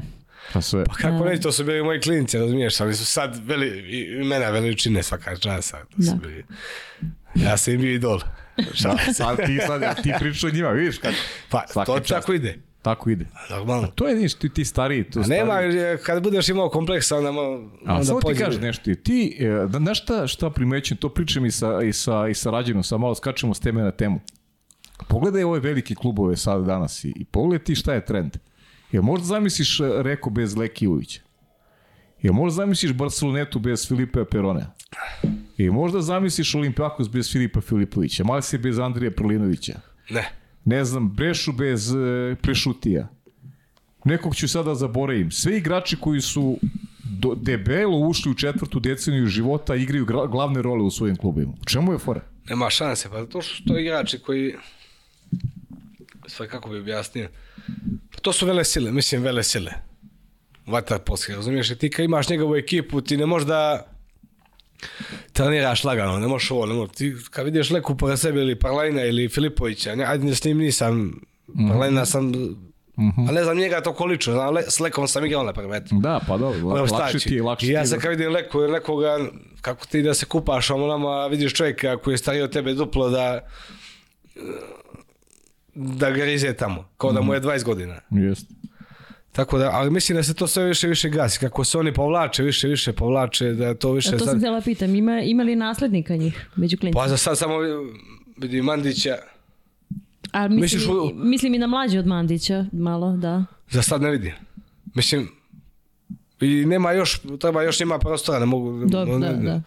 Mandić je jedan jedini koji se iskazao u mlađim godinama mm. da, da može sad da bude kao što su ali, bili neka Filipović i ali, ali Nikola nije samo to sad nije samo vaterpolo sad ovo što pričam pogledaj ti sad ovaj tenis pogledaj Novak Đoković 35 godina gledaj Messi što radi na svjetskom prvenstvu gledaj znaš te, te generacije neke oko 40 dakle ljudi kakvi su sportisti, sa, sa kojom oni energijom i dalje igraju. Mislim, to je greota za sport da se, da se ovi ljudi aj sad konkretno u Vatapolu, da, da oni završe karijere kad, kad vidiš da mogu, da mogu još, još mogu da daju? Pa vidi, nema, po mom mišljenju, nema, nema do, dovoljno dobrih mladih igrača da bi, da bi stari mogli da pođu odmah u penziju. Mhm. Uh -huh. Ako me razumiješ što ću da kažem, znači stari mogu da igraju još uvijek zato što nema dobrih mladih. Uh mhm. -huh. Ima nekoličina. Znaš, i onda stare mogu da dođu do izražaja i dalje. Uh mhm. -huh. Sad, možda Jel se desilo zasićenje Filipović i pa ne, možemo oni igrati dalje klubsko, na. Ne, ne, klubsko, pa dobro, igraju klubsko, ali, ali ti klubsko, ti, pa, ti, dobro, nije ono što stari imate, 35 godina to pa su. Pa dobro, ali, ali daš, ti utakmice Lige šampiona, to je redovno, 3-4 gola, to je, daš, Filipe Perone protiv radničkog, ne znam, 5-6 golova, da. Neš, nešto što, što generalno nije radio ni kao mlađi. Tako je, da. da šest golova u utakmici, da. Da, on je bio, on je bio ono asistent, ono, a sad je i golgeter i svega, mislim prelaz... Leka je totalno druga dimenzija kad Leka igra ili kad ne igra za prvo rekao i on isto sa, sa tim. Absolutno. To, to, je, to je stvarno... E sad, da li je to... Da li je to o, uste toga da, da, da mlađi nisu dovoljno dobri, što opet nije dobro za vaterpolo, ili su ovi toliko moćni, toliko kvalitetni igrači, se gasi polako jedna era možda je, možda je jedna od boljih kada pričamo o istoriji Vaterpola sa svojim imenima koji su sa igračima koji su stvarno vanzemaljci. Pa sve si dobar rekao. I oni su, i oni su vanzemaljci, a i ovi mlađi sad koji ulaze u... To je moje mišljenje. Uh mhm. -huh. Apsolutno. E, e, prebrzo ulaze u prvi tim. Uh mhm. -huh. Ne bi ono što si ti recimo prošao da zaslužiš minut i po da igraš. Pa ajde, ne samo ja. I na primjer, evo je sa i Strahinja Rašović i Ubović i tu svi ova generacija i Dedović i svi ta moja generacija. Da. Uh mhm. -huh. Svi mi koji smo morali da krv ispustimo da bi ušao pred tim. A danas, da danas barem ja mislim, ne mora da znači da sam prav, da mislim da lagano ulaze u Mm -hmm. u mhm. prvi tim i da se daje šansa, baš možda iz nekih možda novčanih razloga zato što ne mogu da plate nekoga tamo, mm -hmm. pa onda ajde dovećemo ga klinice za 200 evra, on će biti zadovoljan. Da, da. I svo dužno poštovanje prema tim klinicama, nisu oni krivi, ali mislim da su prerano doživjeli da uđu lagano u prvi tim. Mm -hmm. Neka si morao da baš, baš dubiš na glavom da bi ušao u prvi tim. A danas mm. uđeš, igraš, imaš minutaž.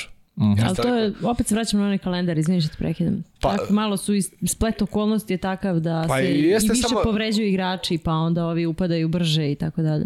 Ok, ima i toga, da, ali ne, i ne samo to, nego, nego i sad ti je takva liga da ti imaš većinu da su ti mladi momci. Da li je neko pošao iz Srbije da došto neće ili hoće ili Da. Nije zadovoljan, zadovoljan, da li se posvađaju, da li ne priča s nekim iz klubova. Znaš, da tu dolaze neki momci koji, ok, jesu oni talenti, ali mm, su trebali možda još godinu dvije da se obuče dobro, pa da onda dođu pred tim. Jer imaš ljude koji dođu pred tim, a ne znaju osnovne stvari. E, to je problem. I mhm. e, zato mislim da će se vatar polugasiti brzo.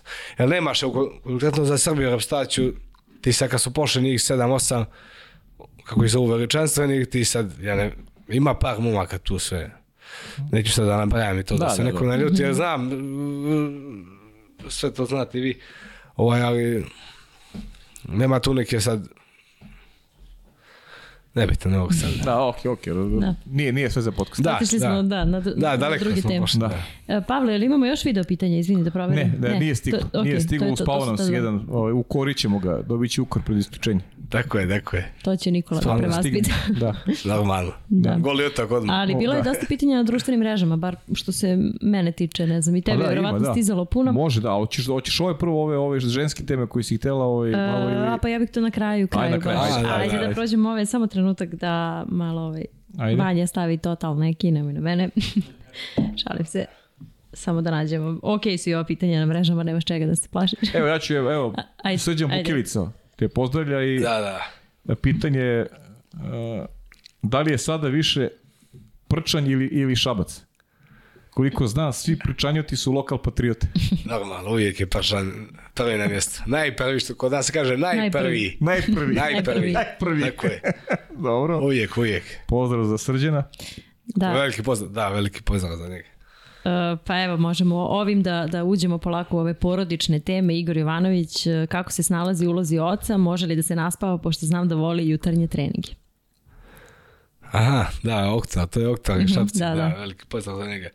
Pa bilo mi je u početak ono, mislim, kako reći, teško mi je bilo, znaš. Mala se probudi u teru i treba moram u sedam da na bazin. A inače se diže veoma rano, oko 5. A ovo da voliš jutarnje treninge je stvarno, nije ironično. Ne, ne, ne, to, je stvarno, se znači, ja dižem oko pet i po, šest. Aha. Ono, kao pet, zvali su me penzioneri, sam me zovu ono, kao djede, ono, da. i deda. Svaka čast. To... Ne, Deža zaspem naš oko 10. Mhm. Uh -huh. 90 i to je to. I onda se dignemo oko 5 i po 6 pijemo na 20 kafa i onda dozivam sve ovaj naš ko znam da se ispavaju, onda ja zovem da, da budi. da, da, da. I za tome, ali volim, jutarnji mi je, uvijek bi za jutarnji bio. Uveče mi je već teže. Ja već ručam u, bukvalno u 12. 12, 1, da. Da, i onda do 6 ko će čeka, u 6 bi zaspao već. da, da, da, da. Tako da, A to je neka životna navika, tu odustaješ da tako rano, a? Da, da, da. Od uvijek, od uvijek. Nikad nisam volio spavam i to, nikad. Da. Ono kao popodne spavam, kao dva, sam pa kakvi. Ode mi da. Mm. Znači onaj italijanski, španski onaj sistem sieste e, popodne ti ne odgovara. Tako je, tako je. Da, pa, ti si onda pravi profesionalac. Ti da, da, da. u 10 zaspiš, pa, probudiš su 5 Ne znam ko rekao da, da nisam. Ti si za poželite, niko nije rekao. Niko nije rekao, nego ja ne, konstatujem ne, sam te, ne za tebe, nego inače. Da, da. da. Dobro. A čekaj ovo, kako se snalaziš u ulozi oca generalno? Super, super, dvojčica, super, da. super, super. Da. Baš je, baš je, to mi je najbolji trenutak života, mislim. Normalno, koje da. svima, da. Tako da je sjajan, ništa mi nije teško. I to kao spavan, ne spava, spavaš. Ne spava. Mislim, spavam u dnevni boravak. Ne, ne zbog nje, nego zato što hrčam puno, pa me žena je šerala tamo. Izbacite svi, da. Tako je. Mislim, nije da mi ne, ono, naš odličan je, malo se ne spavam ja, ali... ali Čekaj, koliko, koliko devojčica ima, kako se godinu, zove? Godinu i tri, Una se zove. Una. Da. Rano znači, je da pričamo o tome. Šabački zet, znači. Da. A? Da, udao sam se u šabac. Da. Udao sam se u šabac. Da. Dobro. Next. Tako je, da, kad sam dolazio, ako sam nećeš, vidi, nećeš, i posle mjesec dana, ba. Karakter znači. Da, da. Uf. Dobra, ajde, možda je sad moment. Dakle, spomenuli, spomenuo si sestru, mamu, sada supruga iz Šapca, imaš čerkicu. Da, da, da. Ko, koliko ti je ta ženska strana i ženska snaga? E, ovaj, Jedno čeka sina da dobija. ne, Sve se žele oko mene. Koliko si ti ona velika podrška? Ispostavit će se, ne, ne, da jest, pogledaš jest. nazad velika podrška. Da. Žena i sestra i majka, normalno, pa je svega i sve te osobe žene, ženske su mi bile baš velika normalno, prvo majka, da. od kad sam počeo, pa posle i sestra kad je ona batalila, uh mhm. -huh. i ja nju i ona meni, i sad je žena, pošto sad smo evo, godin i po, dvije u braku već, tako da...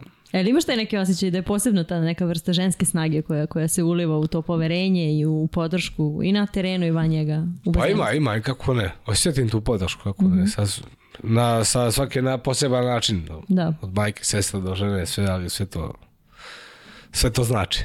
Da. Gde se sestra pronašla? Čime se bavi ona? Pa je, kad je se tako razočarala u... Upisala je jezik, ja radi u... Na one, kako zove, kompjuter, na ITF, kao nije. IT. Računare. IT. Računare. E, to IT. IT, IT. E. Pa dobro. Tako nešto. Nije, staša se vidi kako je moglo Snašla se. Pa dobro, to da, da ti e ona je dosta zabrala, ona je pošla sa 14 godina je pošla u Francusku. Mm -hmm.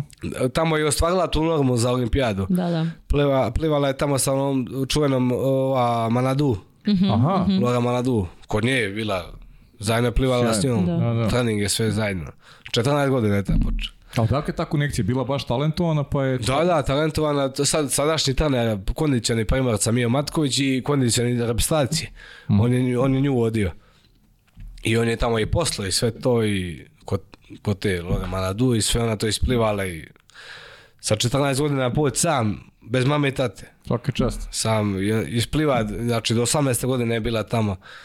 I ispliva normalno i onda da ti znači neku 10 minuta razbije taj sene, to je teško. A užas. Stvarno, 10 minuta. Da su bili da. ti čelnici i savjeza. Ne znam da li su neki od njih ostali, mislim da jesu, ali njima na često, nema se. Tako je, da. Da.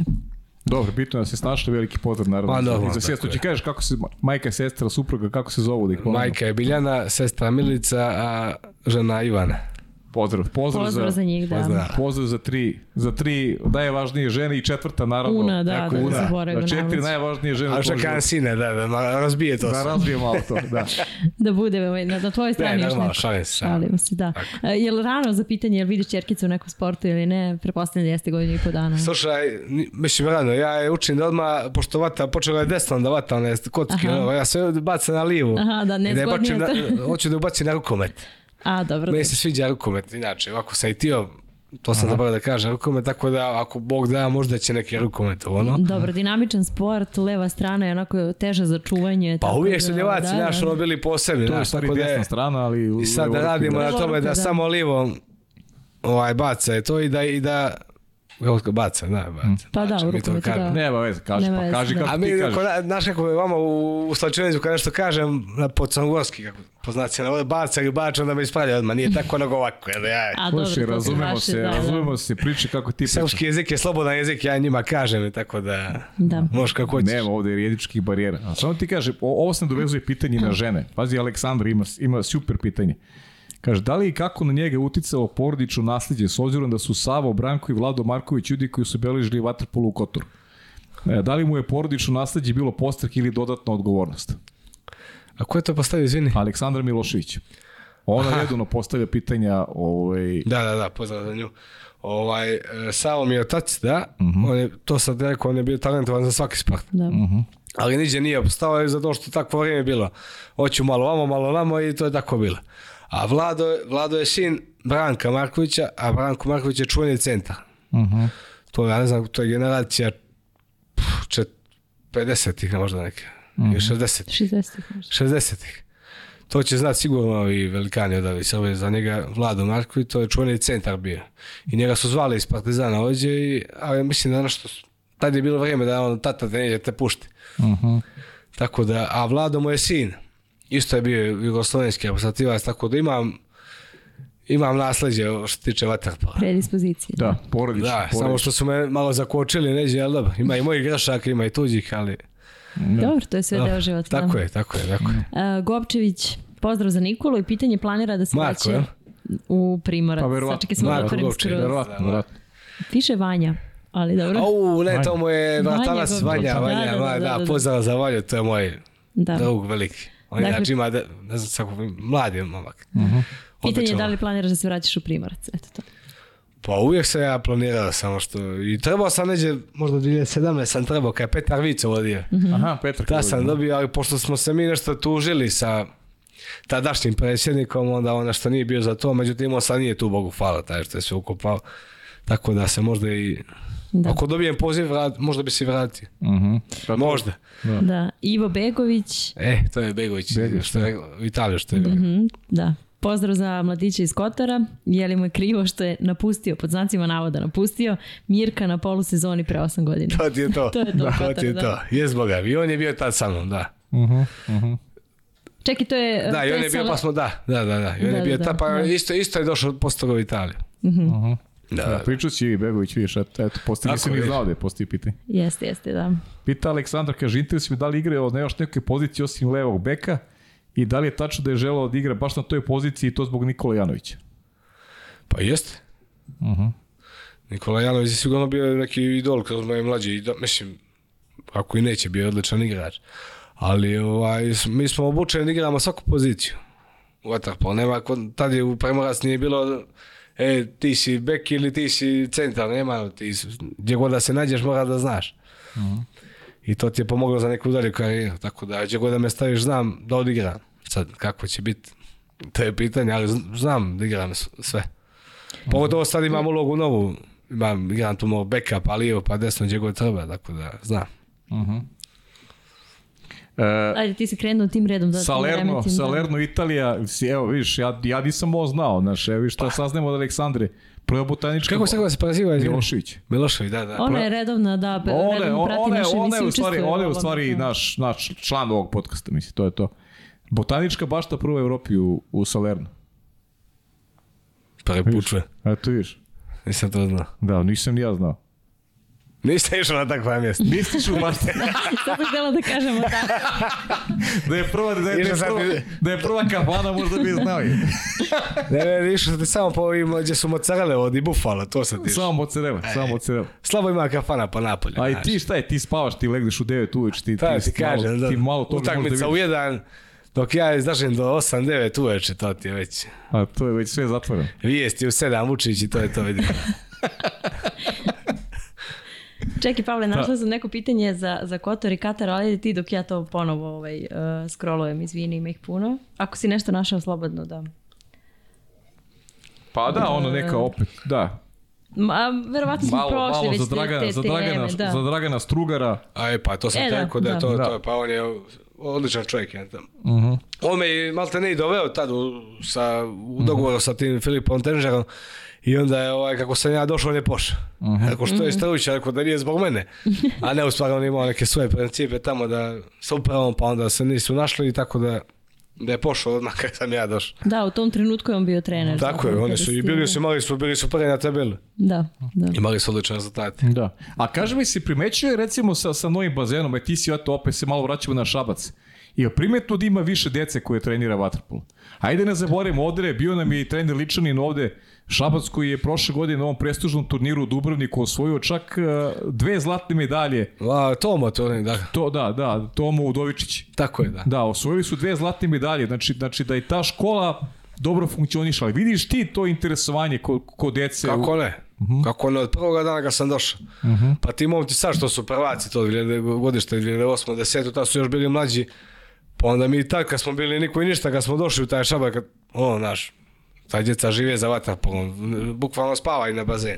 Mm -hmm. I ima ih, ja ne znam, u tom trenutku je bilo, možda ću slagat 700 djece. Mm -hmm. Tako se ja nešto zapamtio, možda mm -hmm. nije tako, ali tako je nešto. Baš puno djece za tako malo mjesta. Da. I e, jako, i mnogo se dobro radi sa to. I e, naš ono, e, žive za taj moment da dođu na bazen, da vide utakmicu, da Znači sve to, sve, sve je podređeno mlađim kategorijama. Ok, bave se oni prvim timom, normalno ne bi bilo mm -hmm. ovih uspjeha da ne bave se, ali... Naravno. Ta djeca mlada baš imaju odlične uslove. Mm -hmm. Mislim, mhm. mi najbolje, da se ne lažemo, najbolje u, i, mi, i sad su zadnje godine i prvaci mm -hmm. u, i kupa i, Srb, i prvenstva Srbije, tako da vidi se rad. Mm -hmm. To i vodi naš Ličanin. Da. da. da. Tu generaciju dobiti. Da, Što se Šapca tiče, Aleksandra nas je podsjetila e, kaže poznati po kafanama i hipodromu. Jel posećaš ta dva mesta ili samo jedno od toga? Je e, nisam ja razumio ko je poznat po kafanama, ja? Šabac, ne, ne, šabac, šabac, šabac, a, šabac, da, da. kafana i hipodrom. Da, da, a, dva e, glavna mesta kupljenja. Ne zna, šalim se, ne. E, pa jeste, ima taj čuveni šabački hipodrom. Bili smo par puta. Mm -hmm.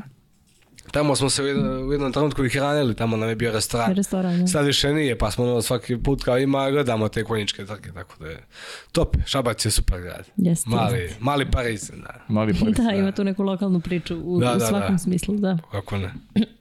Ima Aleksandar opet neka interesantna pitanja, još aj još par da te, da te ne dajemo previše i Vanja nam se sprema za novu emisiju.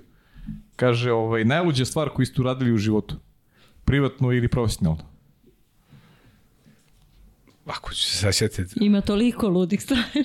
A ima, mene tako, mene sve svake godine ludila, tako da, ali ne mogu se sad sjetiti, kunentis. Dobro.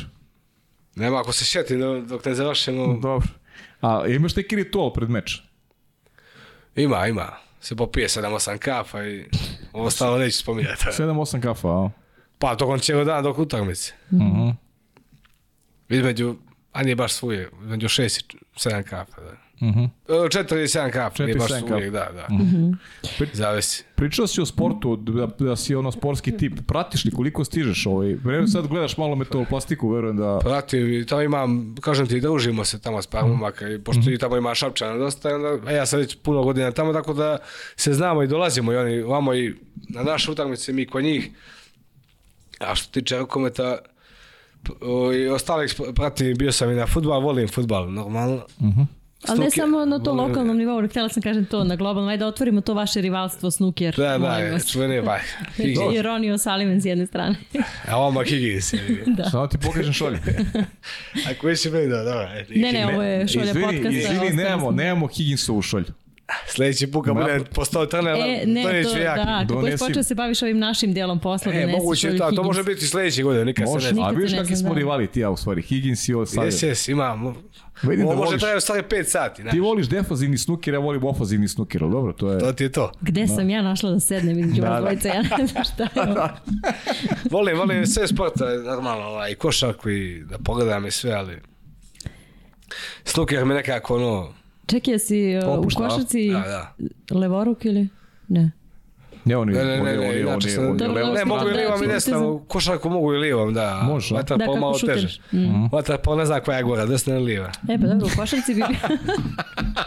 Pita je veseljevak ili daš jak, znaš. da, u košarci bi bio nezgodan. Da, da, da. Skon ti ovo pucaš, ako, ma, ne znam, nija. ja mi se namjestio. Sjajno. Da. Jeli, a koji ti je ono na neki najveći, šta smatraš najveći, šta ti najveći neko razočaranje u sportu, a šta, šta gledaš kao, kao najveći uspeh? Eto, možemo otkriti. Pa, me, da- e, da tvoje lično. Da. Moje, da. pa ovo što sam rekao za Rapstaću, da... Da, to je najveće razočaranje. Što da. nisam dobio taj poziv, baran poziv na šere spisak i to, a, uh mhm. -huh. a uspeh najveći, pa trenutno to, to kao 15 igraš smo uzeli Len Kup, ovaj Ligu šampiona, šampiona, to, mm -hmm. posle toga Čeljabinski treće mjesto, sve te mislim. Mm -hmm. Ali taj Liga šampiona sa primorcem tim, definitivno to. Uh -huh, uh -huh. Iako sam bio ljudi što meni spoveli tamo. Jako, jako si bio. Nije bilo mjesta, veli. Nema znači, veze, računa da. Nije bilo mjesta i daleko rijeka. Da. A jes, jes, daleko. Ko, ko će do rijeke da ide? Ali dobro, svakako je drago ovo što si spomenuo utakmice protiv uh, Budvana tvojih ovaj, sa Šapcem i, i prolazak u, u A1. Da. Imam, tek imam postati do plake nas sa Šapcem. šapcem da. To je ipak nekako da, blisko srcu. da. da, to je pa. To se neće nikad zaboraviti. To mi u da. stvari klubski, to mi je jedini klubski e, trofej, ovaj, ta dupla krona. Ja, kad, mi smo, da si igrao. Dok sam bio dolje u Primorac, u stvari nije. Uzeli smo, s Primorca sam bio prva kupa, da. Mhm. Mm -hmm. Uzeo si kupa. Ali sam, da, sa ovim starima, da. Ali posle toga mi je definitivno smo bili u sjenci Jadrana. I mm. sam bio i u Kotoru i u Budvu, mm -hmm. jedan je bio ono, prvak, a mi vas za drugi, vječno ono drugi. I onda sam promijenio. Šabac i nas smo uzeli duplu krmlju. Kad bio mm -hmm. ono Gojko, kad bila ta generacija, sjajna, sjajna. Mm -hmm. Žao mi je što nisu mogli da ostanu te svi igrači, i Lukić, i Janković, i, da. i Vučinić, da, svi ovi što sad igraju Lige šampiona, Šampion. sve su oni mhm. bili ta, dio te generacije, sjajne. Mm -hmm. A spomenuo si malo i, ajde da kažem, tu budućnost reprezentacije Crne Gore. Pa mi ovde često govorimo i o budućnosti srpske reprezentacije, ajde Hrvate smo videli na evropskom tronu ovog leta, Tako Slovenci je, da. koji su imali to istorijsko učešće na evropskom prvenstvu. Ali konkretno kada reč o Crnoj Gori, gde ih vidiš u narednih nekoliko godina, naročito s ovim kalendarom s kojim smo počeli ovu emisiju, ovaj, eh, kako misliš da će se to u kom pravcu razvijati i kako će uticati na, na neka globalna dešavanja na, na waterpolo sceni? Ako imaš onu magičnu kuglu da ih vidim, pošto ja na mojem vidiku ih ne vidim niđe. Ne vidiš, a? Ne vidim sa ovim odnosom prema ostalim igračima, pošto je ovo očigledno kao kao privatna, li, privatna reprezentacija Jadrana. E, mnogo igrača tu koji su trebali da se barem pozovu na, ne samo ja, nisam bitan ja, nisam ja reprezentacija, uh mhm. -huh. da se pozovu, nisu bili pozvani, ili koji, da su, te... ili koji su pozvani pa su izbačeni. Misliš I da mislim, da te šire spiskove da makar imaju šansu da... da I da na šire i ne, ovaj, ne samo igrače koji su za šire spire, nego igrači i poput i velikih sila i Zloković i Vukčević, Nikola i mm. Pasković i svi ti momci koji su i, i dan, danas igraju vaterpolo. Mm. Osim da, Zloković ne igra, da. Zloković ne igra. Da. Mm -hmm. Ali mislim da je to moglo daleko bolje da se odrađuje da se ta smjena generacija ne baš to tako odmah. Da ne bude ovoliko bol. Veliki, da, mm -hmm. bolno. No, bolno, naš postepeno, ali ko sam ja da pričam o tome, znaš. Tako da, za sad ih uz dužno poštovanje prema tim momcima, to su moji su i saigrači, bivši, i sadašnji i bit će možda, oni nemaju veze s tim, oni se bore tamo i daju sve od sebe, ali... Nije sve na njima, sa, da. Da, da, nije sa ovakvim načinom. Mislim, koliko čujem, radi se tamo sve full, full, ali očigledno nešto ne valja, sad šta je to, ne znam. Mm. Da. Nikola, ili ima nešto da, da smo preskočili da te pitamo, a ti bi volao da kažeš na kraju? Pa nema ništa, jedino što nisam spomenuo možda te moje trenere s početka. Aha, ajde. Prvi koji je bio taj Bajica Martinović, on je sad u Budvi, uh mhm. -huh. od, kod njega sam počeo u Val, pa je poslije bio Damir Matanović, uh mhm. -huh. on je sad u Ameriku. Poslije Trujković Mlađan, onda Ranko Perović, uh mhm. -huh. Vido Lompar, Veljo Skoković. Tako, to je to iz Primorca, da, Posle no, bili Pero Parabić i ovi svi u Repstaću. Uh -huh. Ali to je to, manje više. Sve smo spomenuli, tako da... Mm -hmm. Kako je spreman čovjek došao da spomene prave ljude u podcastu. Jeste, sve spomenuo, za razliku od... Nema, već da se ja spomenuo, ja ti to radno pričam, znaš, što mi ispadne mozak odmah, ja ti odmah rečem, znaš, možda da. sam nešto sigurno zaboravio, ali... Biće prilike da popravim. Biće sledeći godin ga budem postao ovaj trener, trener nešto pa ćemo. Znaš kako, ja ovako prvo da ti poželimo sve najbolje privatno, pozdravi ovaj, sve te tvoje divne žene koje te prate kroz život, pozdravi Hvala. familiju, a pozivam Šapčane da 8. Da februara da. dođu na bazen, da isprate najbolji rezultat u istoriji kluba, četiri finala Len Kupa, zvarno rezultat za veliko poštovanje. I... Ukoliko je utakmice, znamo termin? Da znamo. Ne, da ne znamo još, ali mislim, da mislim da je oko 7. Da. da. Mislim da ćemo sledeće da. nedelje, ćemo tu da najavimo, a ovaj, sigurno zaslužujete onako veliku ljubav i pažnju. Ma da, što god da bilo, da. Prate Vatepolo, da. Tako je, tako je. Neka dođu što većem broju i hvala vama za pozivu i nadam se da ćemo opet Hoćemo sigurno, Nikola. Budi siguran. Mi smo uživali ovdje, lepo e, smo se zabavili. Ja. Da. Da, samo pre nego što odjavimo, možda zamisliš sad sebe sa druge strane ovde mikrofona, ti nekog nešto propituješ. A mogu, mogu, možda da. bi mi još lakše bilo da, da ja da, da pitam, da, ja, da, da, dan tamo, da. ja mislim. Ništa, od sad te zovemo za video, pitanja za pripremu emisije, može, sve što treba. Može. Pazi, da. ne urete zovem, kad vidiš nešto, sam šalji. E, vidiš, imam ti sad broj, da, mogu. Pa imaš broj, šalji kad doćeš. tako je, tako je. Da, Pavle, je li to to? Pa to je to, nema šta da dodam. Ovaj, ono što je interesantno, naravno, sledi kup završnica za vikend, Znamo žensko finale, Crvene zvezda Vojvodina, Vojvodina dva da. najbolje kluba, opet se odmeravaju snage za trofej. Da, da pozovemo ljude da isprate to žensko finale. Dođite, da, da obavezno. Nedelja u 17 sati, nadam se da će ovaj, moći negdje da se gleda taj, taj meč ko ne bude mogu dođi da na bazena. A, s druge strane, dva muška polufinala u subotu, Novi Beograd Partizan, Crvena zvezda Radnički Kragujevac i eto narednih nedelja, naredne dve nedelje neka ideja naša je da se bavimo da se bavimo ovaj kupom. Dakle, da, pa da dovedemo da, da probamo goste. nekog osvajača kupa. Pa da, da osvajače kupa i s jedne i sa druge strane, naravno, ćemo da ispuštujemo i devojke i naravno i muškarce. Normalno. Da, e, hvala i sa moje strane, Nikola, ja sam uživala. Hvala tebi, ovaj, Hvala ti što si nam posvetio vreme, opet da kažem, odmah posle, posle utakmice i puta nazad ovaj, iz Mađarske. E, vi naravno ne zaboravite sve što ste propustili, da pratite i na našim društvenim mrežama, ali naravno i na YouTube kanalu, tamo vas sve čeka. E, šapčani, ne zaboravite da, da ispratite taj drugi duel između e, Šapca i Vašaša. Pretpostavljam da ćete uživati više nego svi mi ukoliko budete direktno tamo na bazenu, mi ćemo to pratiti ovako sa neke malo udaljenosti, ali ćemo se svakako baviti uh, svim onim što je popularno na evropskoj vaterpolo sceni. Hvala vam što ste u ovoj epizodi bili sa nama. Pozdrav do sledeće sedmice.